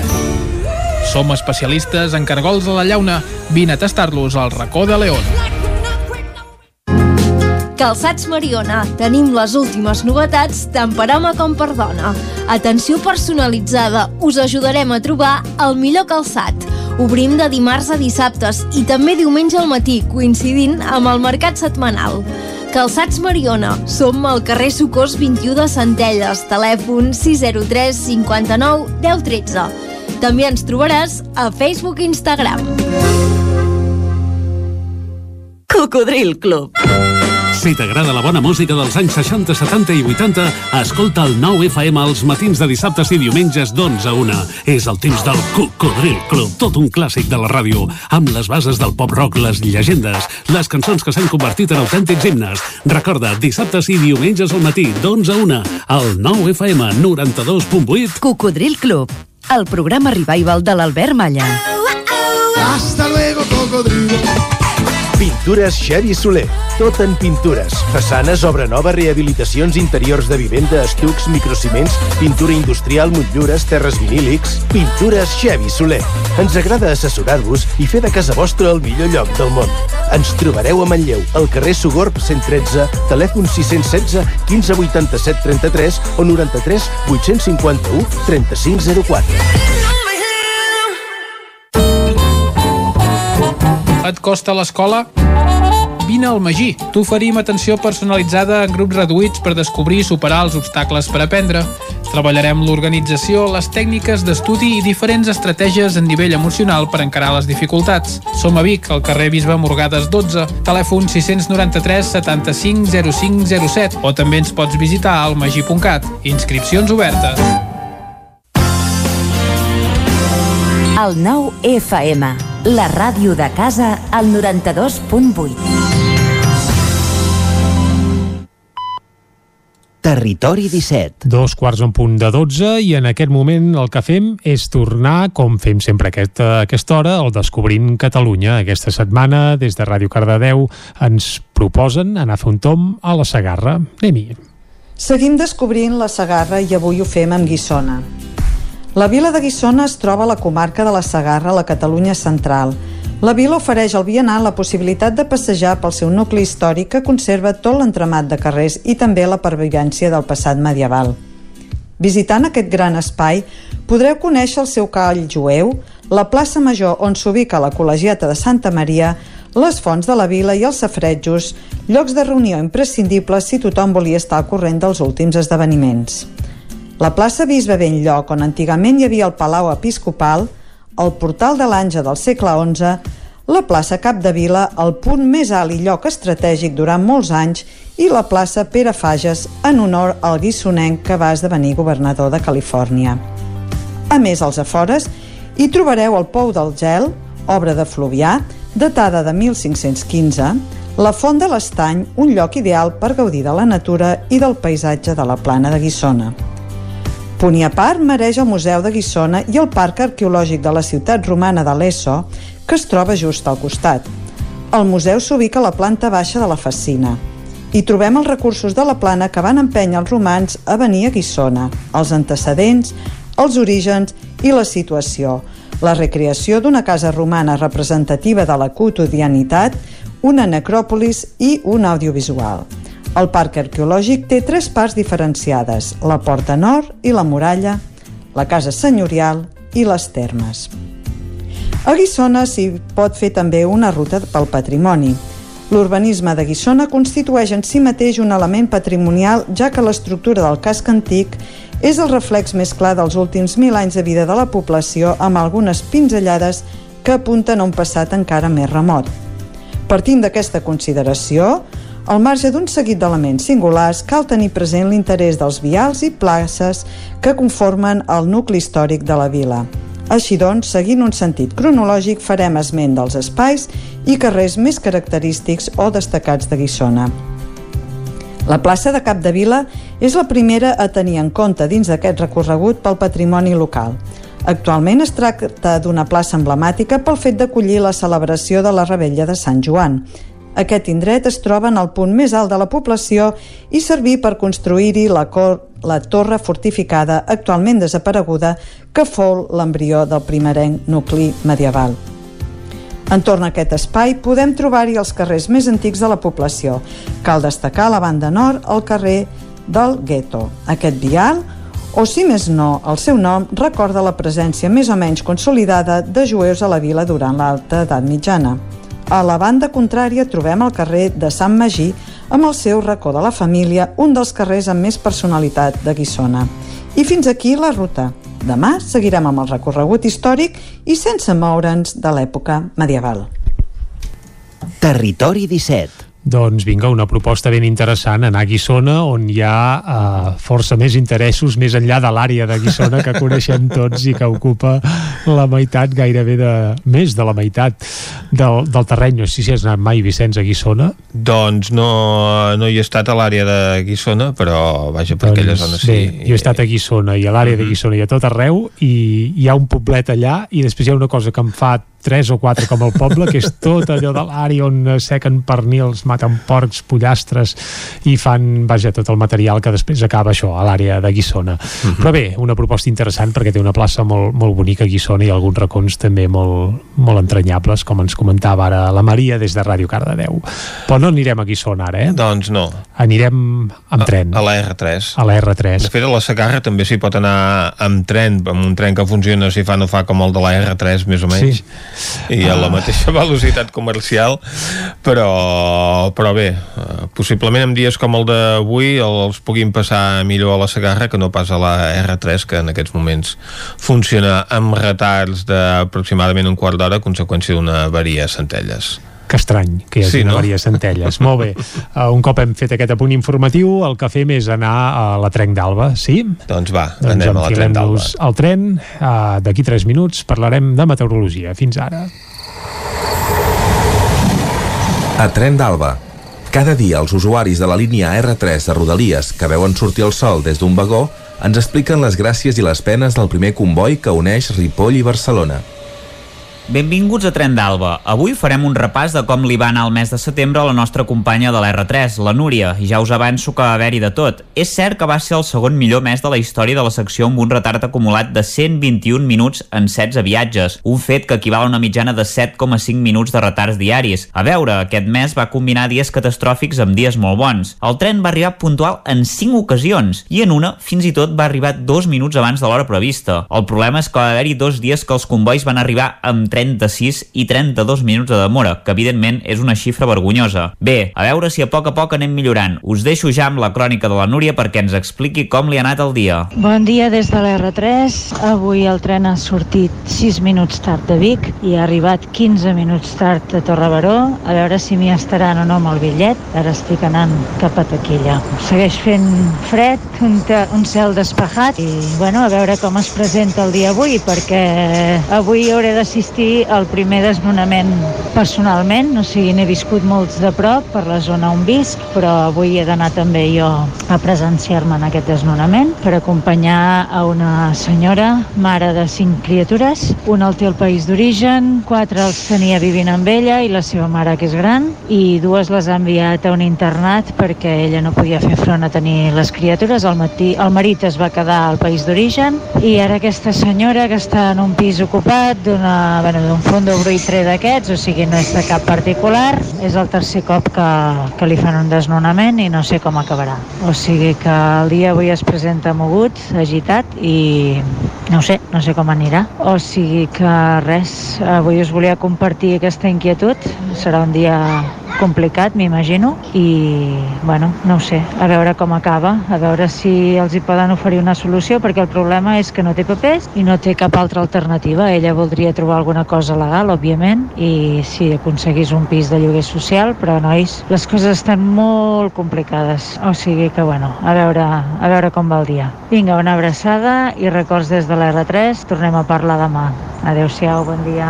Vaja, esperem que la situació d'aquesta família es pugui aclarir, tot i que pinta que el desnonament serà difícil d'aturar. Per cert, veig que t'han donat una resposta sobre si et tornaven el bitllet. Bé, doncs avui novament tampoc m'han volgut tornar el bitllet perquè diuen que no corresponde i ja està, i es queden tan amples. Aquí no ha passat res, ni explicacions, ni excuses, ni un cap disculpa. Res, no corresponde. Apa, bon dia. Llàstima, no hi ha hagut sort. Va, ens retrobem demà i recordeu que ja portem un retard acumulat de 2 hores i 46 minuts des de l'inici d'aquest mes de setembre. Territori 17.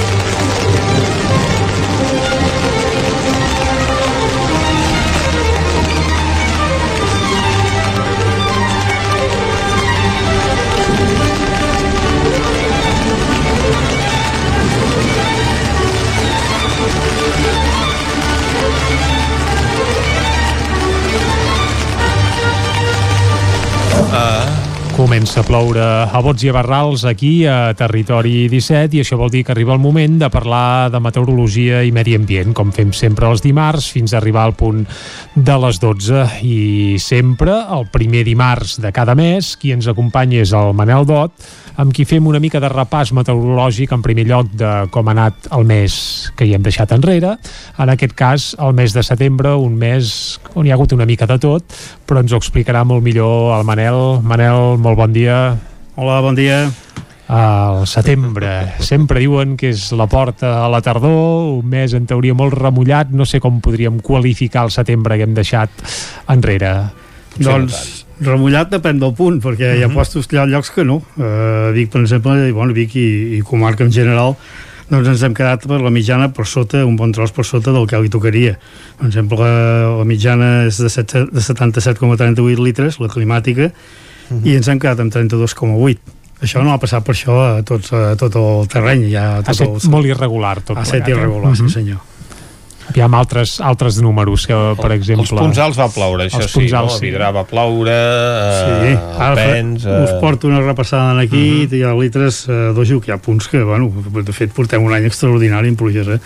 I hi ha punts de vidre mateix que, eh, sense comptar el Glòria, que van caure cap a 400 litres, doncs n'hi ha de 270 i 230 litres un parell de mesos més, vull dir que d'aigua en allà... Uh, o sigui que en, en No. tres mesos ja han fet el fet, no? Uh, sí, uh, passen la majoria passem de, dels litres manuals, o sigui, els litres anuals que tenim de, uh -huh. de generalment que solen caure, que són 700 a la plana de Vic solen ser 700 més o menys uh -huh. doncs el passem pràcticament tots Això seria pel que fa a pluges, Manel. No sé, pel que fa a temperatures, aquest setembre, com el podríem qualificar? Ha estat un mes d'estiu o un mes ja de tardor, un mes d'hivern? O com ho hem tingut en aquest sentit? doncs ha estat un mes normal, eh? el que és la mitjana s'ha quedat a una dècima eh, per sota, crec que era per sota del, del que li tocaria eh, ha estat un mes, doncs, un mes doncs, el que estem parlant de temperatures doncs força normals i fins i tot el que és les màximes doncs tampoc en sé res de l'altre món eh, Vic per exemple la màxima va estar de 32,8 Uh, la mínima va ser de 4,7 i la mitjana, tal com deia, de 18,8 o sigui que un, la climàtica és de 18,7 uh, o sigui, les que fa temperatures han estat doncs, força, força normals eh? Sí que hi va haver alguns dies que es va parlar de mínimes molt fredes per l'època de l'any en què estàvem, eh? No sé si fins i tot en altres indrets eh, de, del Principat eh, crec que es van registrar rècords de mínimes en, en un mes de setembre. Aquí al territori 17 no va acabar de passar això. No, aquí no. Aquí ens vam quedar, fins i tot estem mirant una, fent una repassada de les mínimes de setembre i, per exemple, la més baixa la tenim el 2007 amb un grau eh, i aquest al setembre va ser de 4,7 vull dir que eh, en algun punt sí que va baixar una mica més bueno, sobretot si parlant del Ripollès sí, els alts del el Pirineu Ripollès sí que eh, nevat. sí, allà 3-4 graus sota zero els vam tenir eh, cap a finals que va fer aquella nevada sí. ja sigui, bueno, sí que ho, ho va fer no? o sigui, Tot i que no, no és excepcional que nevi a No. finals de setembre al Ripollès, sí que aquest any doncs, hi va fer una... hi ha hagut alguna nevada, doncs si més no és significatiu. Sí, Home, encara estan blancs, encara estan farinat, Mhm. encara Perquè- dura. perquè hi va tornar-hi i tornarà I tornarà. I tornarà, sí. I tornarà. Quan, quan? Aquest cap de setmana em sembla que hi tornarà. Què ah, dius ara? Estem, estem tenint uns caps de setmana punyeteros, eh? Sí. Això, això, Manel, això t'ho volíem comentar. Perquè Al principi... els, dies de cada dia ha de fer programa, llavors el, els caps de setmana sí, sí, sí. mm, doncs no pot anar a buscar bolets perquè, perquè plou. Veia, i vaig igual.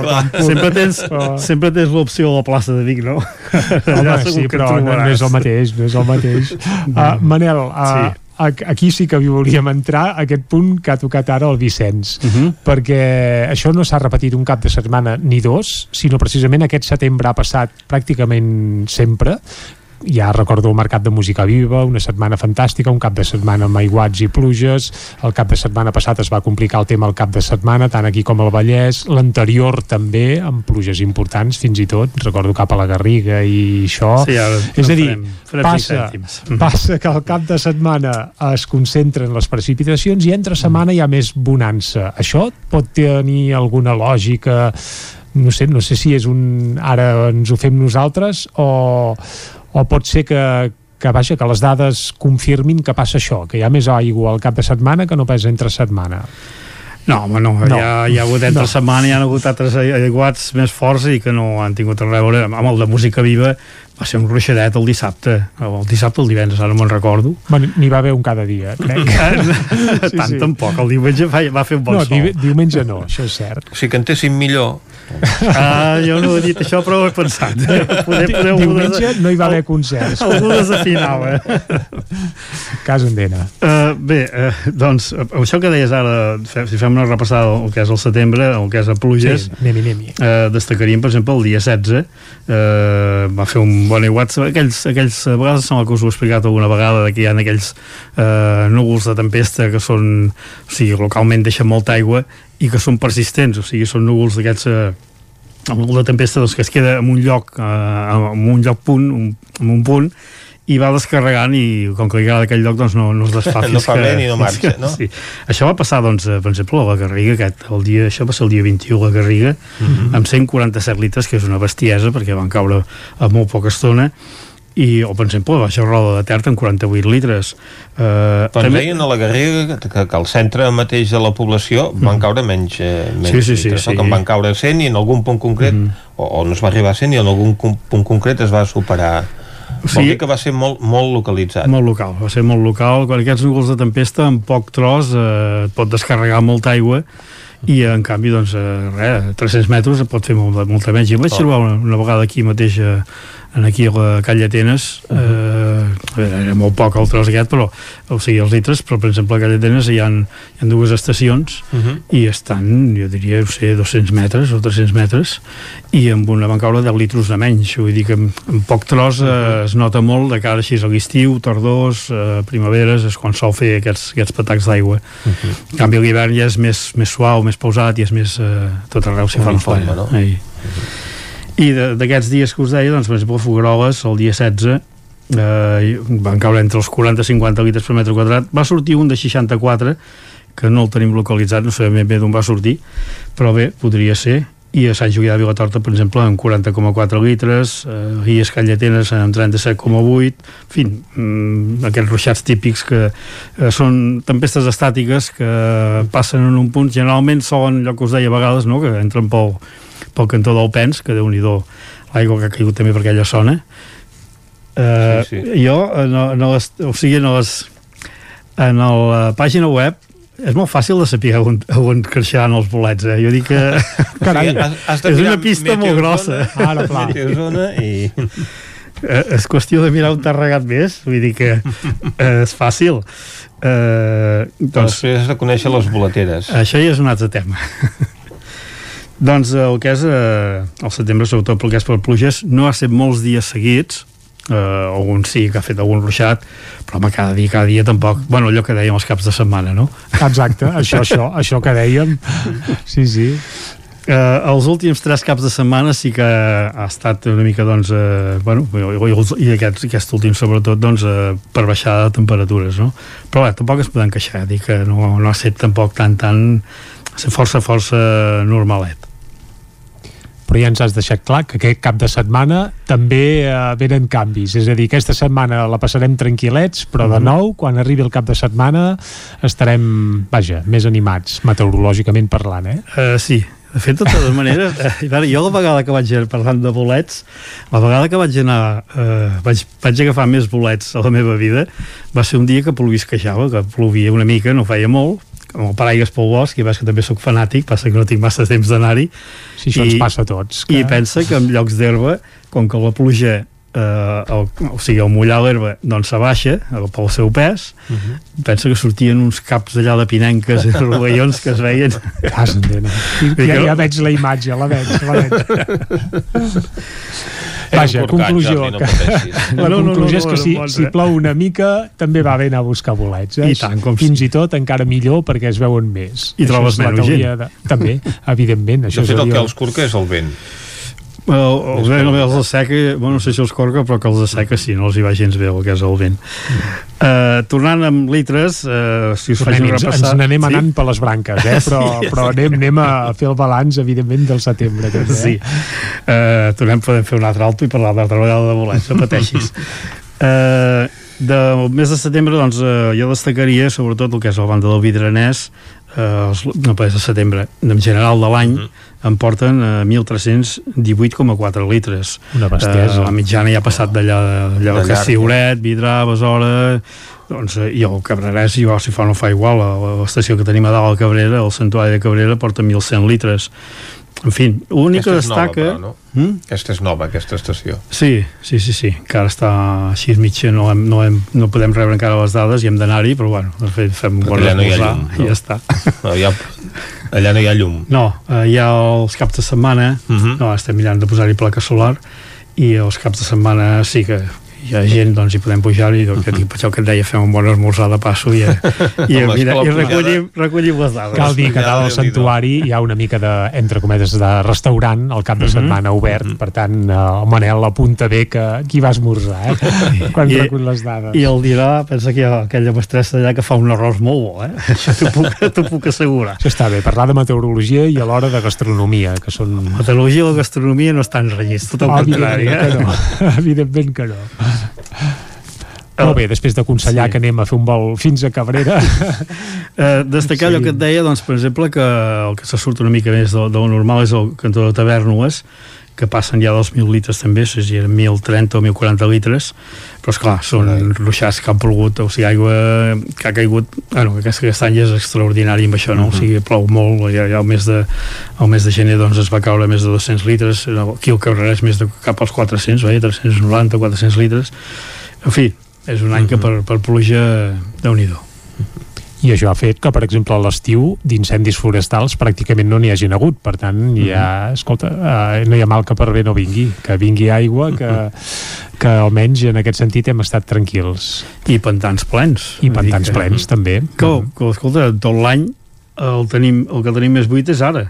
Estava un 73-74% el sau, Mhm. que en tot l'any no l'havíem vist mai tan buit. I això abans degut que tampoc ha plogut molt a les capçaleres ara dels rius, eh, que tot aquest setembre, a part d'aquests ruixats que hem tingut, I també s'ha anat transversat Mm. cap a anat- Susqueda, sí, no? sí, que sí, és sí. el que alimenta l'aigua que consumeixen a Barcelona a l'estiu. queda i també bueno, a part del Gironès i, o sigui, ha anat, ha anat, el, van, el van baixat de nivell no? però bé, tot i així és un 70% està molt bé Mhm. I tant. I en teoria l'octubre és un dels mesos més plujosos eh, de l'any, estadísticament. Això a tot el territori 17 passa sempre, no? Sí, setembre i octubre solen ser els més plujosos. La primavera ho és, però de sur, sobresurt sempre el que és el mes de setembre i octubre i mig novembre, diria jo també. Els decembres ja és eh, mig-mig, o sigui, hi ha, vegades que sí, hi ha vegades que no, depèn. És més irregular el que és el desembre. Pel setembre, octubre i mig novembre eh, solem tenir doncs, eh, les precipitacions principals. I com que ara, com que ara s'ha qüestionat no, la gestió Mhm. que es fa del sistema Sau-Susqueda del, dels embassaments, doncs és lògic també que per evitar problemes buidin el pantà de Sau en previsió que hi pugui haver fortes Mhm. pluges i es pugui omplir sense haver de provocar problemes doncs, com els que s'han trobat a eh, comportes avall a la zona de Mhm. Girona, que quan hi ha un temporal d'aquests han d'obrir han d'obrir comportes i llavors doncs, eh, la capacitat de, del riu doncs, sobrepassa el límit habitual. Eh? Sí, bueno, esclar, l'han de treure d'una manera o altra. Mm -hmm. No, bueno, els pantans està molt bé i aquests que tenim aquí els dos bueno, van regulant un amb l'altre i és això està un 70% ara que considero que està bé de cara a les pluges que poden venir Clar pluges que poden venir. Ja ens ho deixen aquí. Abans també hem parlat del cap de setmana. Hem fet una mirada enrere per veure com ha anat aquest setembre, però fem-la una mica endavant, Manel aquest cap de setmana començaran pluges o com ho tenim això? Quina seria la previsió? Doncs eh, la previsió és eh, avui demà tranquil·litat eh, més temps, temps més anticiclònic tornem a tenir aquestes, aquests cels eh, rogencs eh, tant a la sortida de sol com a la posta de sol eh, hi haurà núvols prims, avui mateix aquest matí també de nhi l'ha fet, fet una, una sortida ben maca i això és degut a aquests núvols prims que, que hi han Mm -hmm. i els núvols baixos que també ho fan no? eh, llavors això, fan això que dius eh? que mm. la que es pon al sol i també quan es lleva aquell cel rogenc mm. o rogent que diuen pluja o vent sí. això vol dir que s'atansa pluja o vent uh, bueno, jo pluja no n'hi veig de moment mm. si l'assenyala tres dies en vista sí però de moment eh, bueno, el vent sí que sol senyalar però pràcticament el que, el que ens ha fet aquest cap de setmana que tampoc ha bufat tan fort però bueno, els punts alts sí que ha, ha fet més però tampoc ha estat tan, tan fort i sol assenyalar-ho, eh, el, el vent sobretot, i el que assenyala sobretot el vent és aquests tipus de núvols que veiem, que en diem lenticulars o com es diu plat voladors que són una, una sobre l'altra uh mhm. -huh. eh, aquest, sempre que veiem aquest tipus de núvol ens assenyala vent o sigui, allà dalt ja ho està fent i baixarà també també a la zona de vall no? de totes maneres, eh, el que és la, la plana de Vic sobretot, eh, per vent eh, o estar rodejats de muntanyes. Si ens ve del nord eh, sí que apreta fort. Nord-oest, o sigui, la tramuntana de Berga que deien eh, aquell sí que ens apreta fort però la resta va estar força força suau. Si no és pas que hi hagi alguna tempesta a la vora. Molt bé, tema vent, tema aigua. Tema, quan arribarà l'aigua? Tema aigua, doncs, eh, a veure, avui i demà no, en principi demà al vespre comença a acostar-se aquesta perturbació que ens ha d'afectar Uh, sembla que dimecres al vespre, dijous podria escapar-se algun ruixat però sobretot seria més de cara a dissabte, diumenge. Clar, el cap de setmana en l'aire. I aquí acompanyats amb llamps i trons, de moment, espera't. No, no, fer una no, ventada i s'ho pot endur tot. I tant, i tant.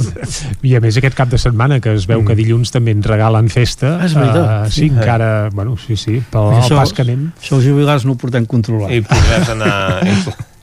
I podràs anar el dilluns, si més no. Uh, sí, uh, dilluns serà, ja haurà fet bonança, ja haurà fet net d'aquesta pertorbació que s'acosta, Manel, o, o no? Mm, doncs no he mirat fins dilluns, he mirat només el cap de setmana perquè és el que, que sempre la gent se n'enfada més. Uh mhm. -huh i no he mirat dilluns, però ja, generalment si és eh, amb un parell de dies no crec que, que el tercer dia ja hi segueixi, no? O sigui, generalment el diumenge hi havia més clarianes, més estones de sol i algun ruixat que seria més de tarda mhm. -huh. eh, pot créixer una regulada i donar, doncs, eh, clar, pensem que les temperatures, tot i que aquest any han set doncs, molt suaus, no ens podem pas queixar, mhm. -huh. perquè màximes de 36-37 graus ja, ja hi firmaria per, tot, per, per els altres anys també eh, doncs eh, tampoc és ser altres, però de totes maneres hi ha temperatures o sigui, eh, el sol encara escalfa i com que ja hi ha entrades d'aire fred, som tardor, doncs això fa doncs, que creixin aquestes nuvolades i es puguin donar encara algun ruixat i alguna tempesta de cara a aquest dissabte i diumenge. Sobretot en principi marca dissabte. Ara, som dimarts, espera't, eh, que sí, no, ja et dic, fa una bufada dies. i te pots anar tranquil a, a buscar volants. Bé, en tot cas, si plou hi anirem igual i tranquils, mm. perquè ja ens has comentat que fins i tot, eh, vaja, que millora la collita quan hi ha una mica d'aigua al bosc. Per tant, en aquest sentit, eh, cap mania. Millora en dos sentits. Una, hi trobaràs poca gent, cosa que si cap de setmana no, no plou, no hi vagis, perquè semblava Rambles, i bueno, l'altre és això no? Eh, quan plou doncs eh, bueno, es veuen més bé mm -hmm. amb pipa perquè et mulles, això sí però ves ben equipat i ja està Molt bé, ho farem, ho farem. Uh, de tota manera, també cal tenir en compte que hi ha unes restriccions de mobilitat, que estem en plena pandèmia mm -hmm. i que mm. tampoc és gaire aconsellable, gent de Barcelona que ens escolteu, que pugeu cap als boscos d'en Lluçanès o el Ripollès. Això em, perquè... sona, em sona una mica... I del Moianès, també. Sí, també, bueno, també, Moianès, Ripollès... Ja, divendres ja hi va haver la primera parella de boletaires perduts mm, sí? a conseqüència de la, de la pluja que va fer que es despistessin i no sapiguessin poguessin tornar on tenien el cotxe. No eren pas del Moianès. Segur que no. Segur que no. no el Moianès, bueno, el cantó de, de, no tinc el, no he mirat la pluja general però al cantó de, tenim una estació també aquí de la a Collsospina. a Collsospina fa molts anys que hi és uh Mm. -huh. bueno, agafada d'un altre company i tampoc els ha plogut pas massa massa eh? vull dir que no portaven pas massa massa aigua Eh, aquest mes de, de setembre eh, 39,6 litres vull dir que uh Mm. -huh. la, banda, la banda de Ponent no ho ha fet massa massa no? uh -huh. Bé. Centelles, eh, Hostalets tota aquesta zona d'aquí ho ha fet menys ja ho va deixar tota la Garriga en aquell fatídic Sí, dia del sí, sí. qual ja hem parlat que allà sí que va caure una bona patacada d'aigua. Però allà els bolets no els hi va pas bé eh? No. això, no, això no. els hi va pas bé. Ja, ja m'ho imagino. Bé, el tema boletaire l'enterrem, no en parlem Sí, més que si no el que fem és que la gent li, ve, li venen dentetes i el que dius, després se'ns omplen massa els boscos. Uh, Manel, moltes gràcies per haver passat uh, una vegada més aquí a Territori 17 a fer una mica de repàs meteorològic del mes que hem deixat enrere. Uh, t'esperem, uh, anava a dir fent balanç de l'octubre, doncs la primera setmana del novembre sí? D'acord, vinga. Doncs vinga, i nosaltres els que, el que ens toca fer ara, Vicenç, ja és acomiadar-nos perquè se'ns acaba el temps a Territori 17. Doncs efectivament s'acaba el temps d'aquest territori 17 d'avui dimarts, un programa que us han fet Clàudia Dinarès, David Oladell, Caral Campàs, Isaac Muntades, Pepa Costa, Natàlia Peix, Víctor Palomar, Arnau Jaumira, Xela Falgueres, Joan Carles Arredondo, Jordi Sunyer i Vicenç Vigues. Tornarem demà, com sempre, des de les 9 del matí fins a les 12 del migdia, tant si plou com si no, eh? Adéu. Adéu-siau.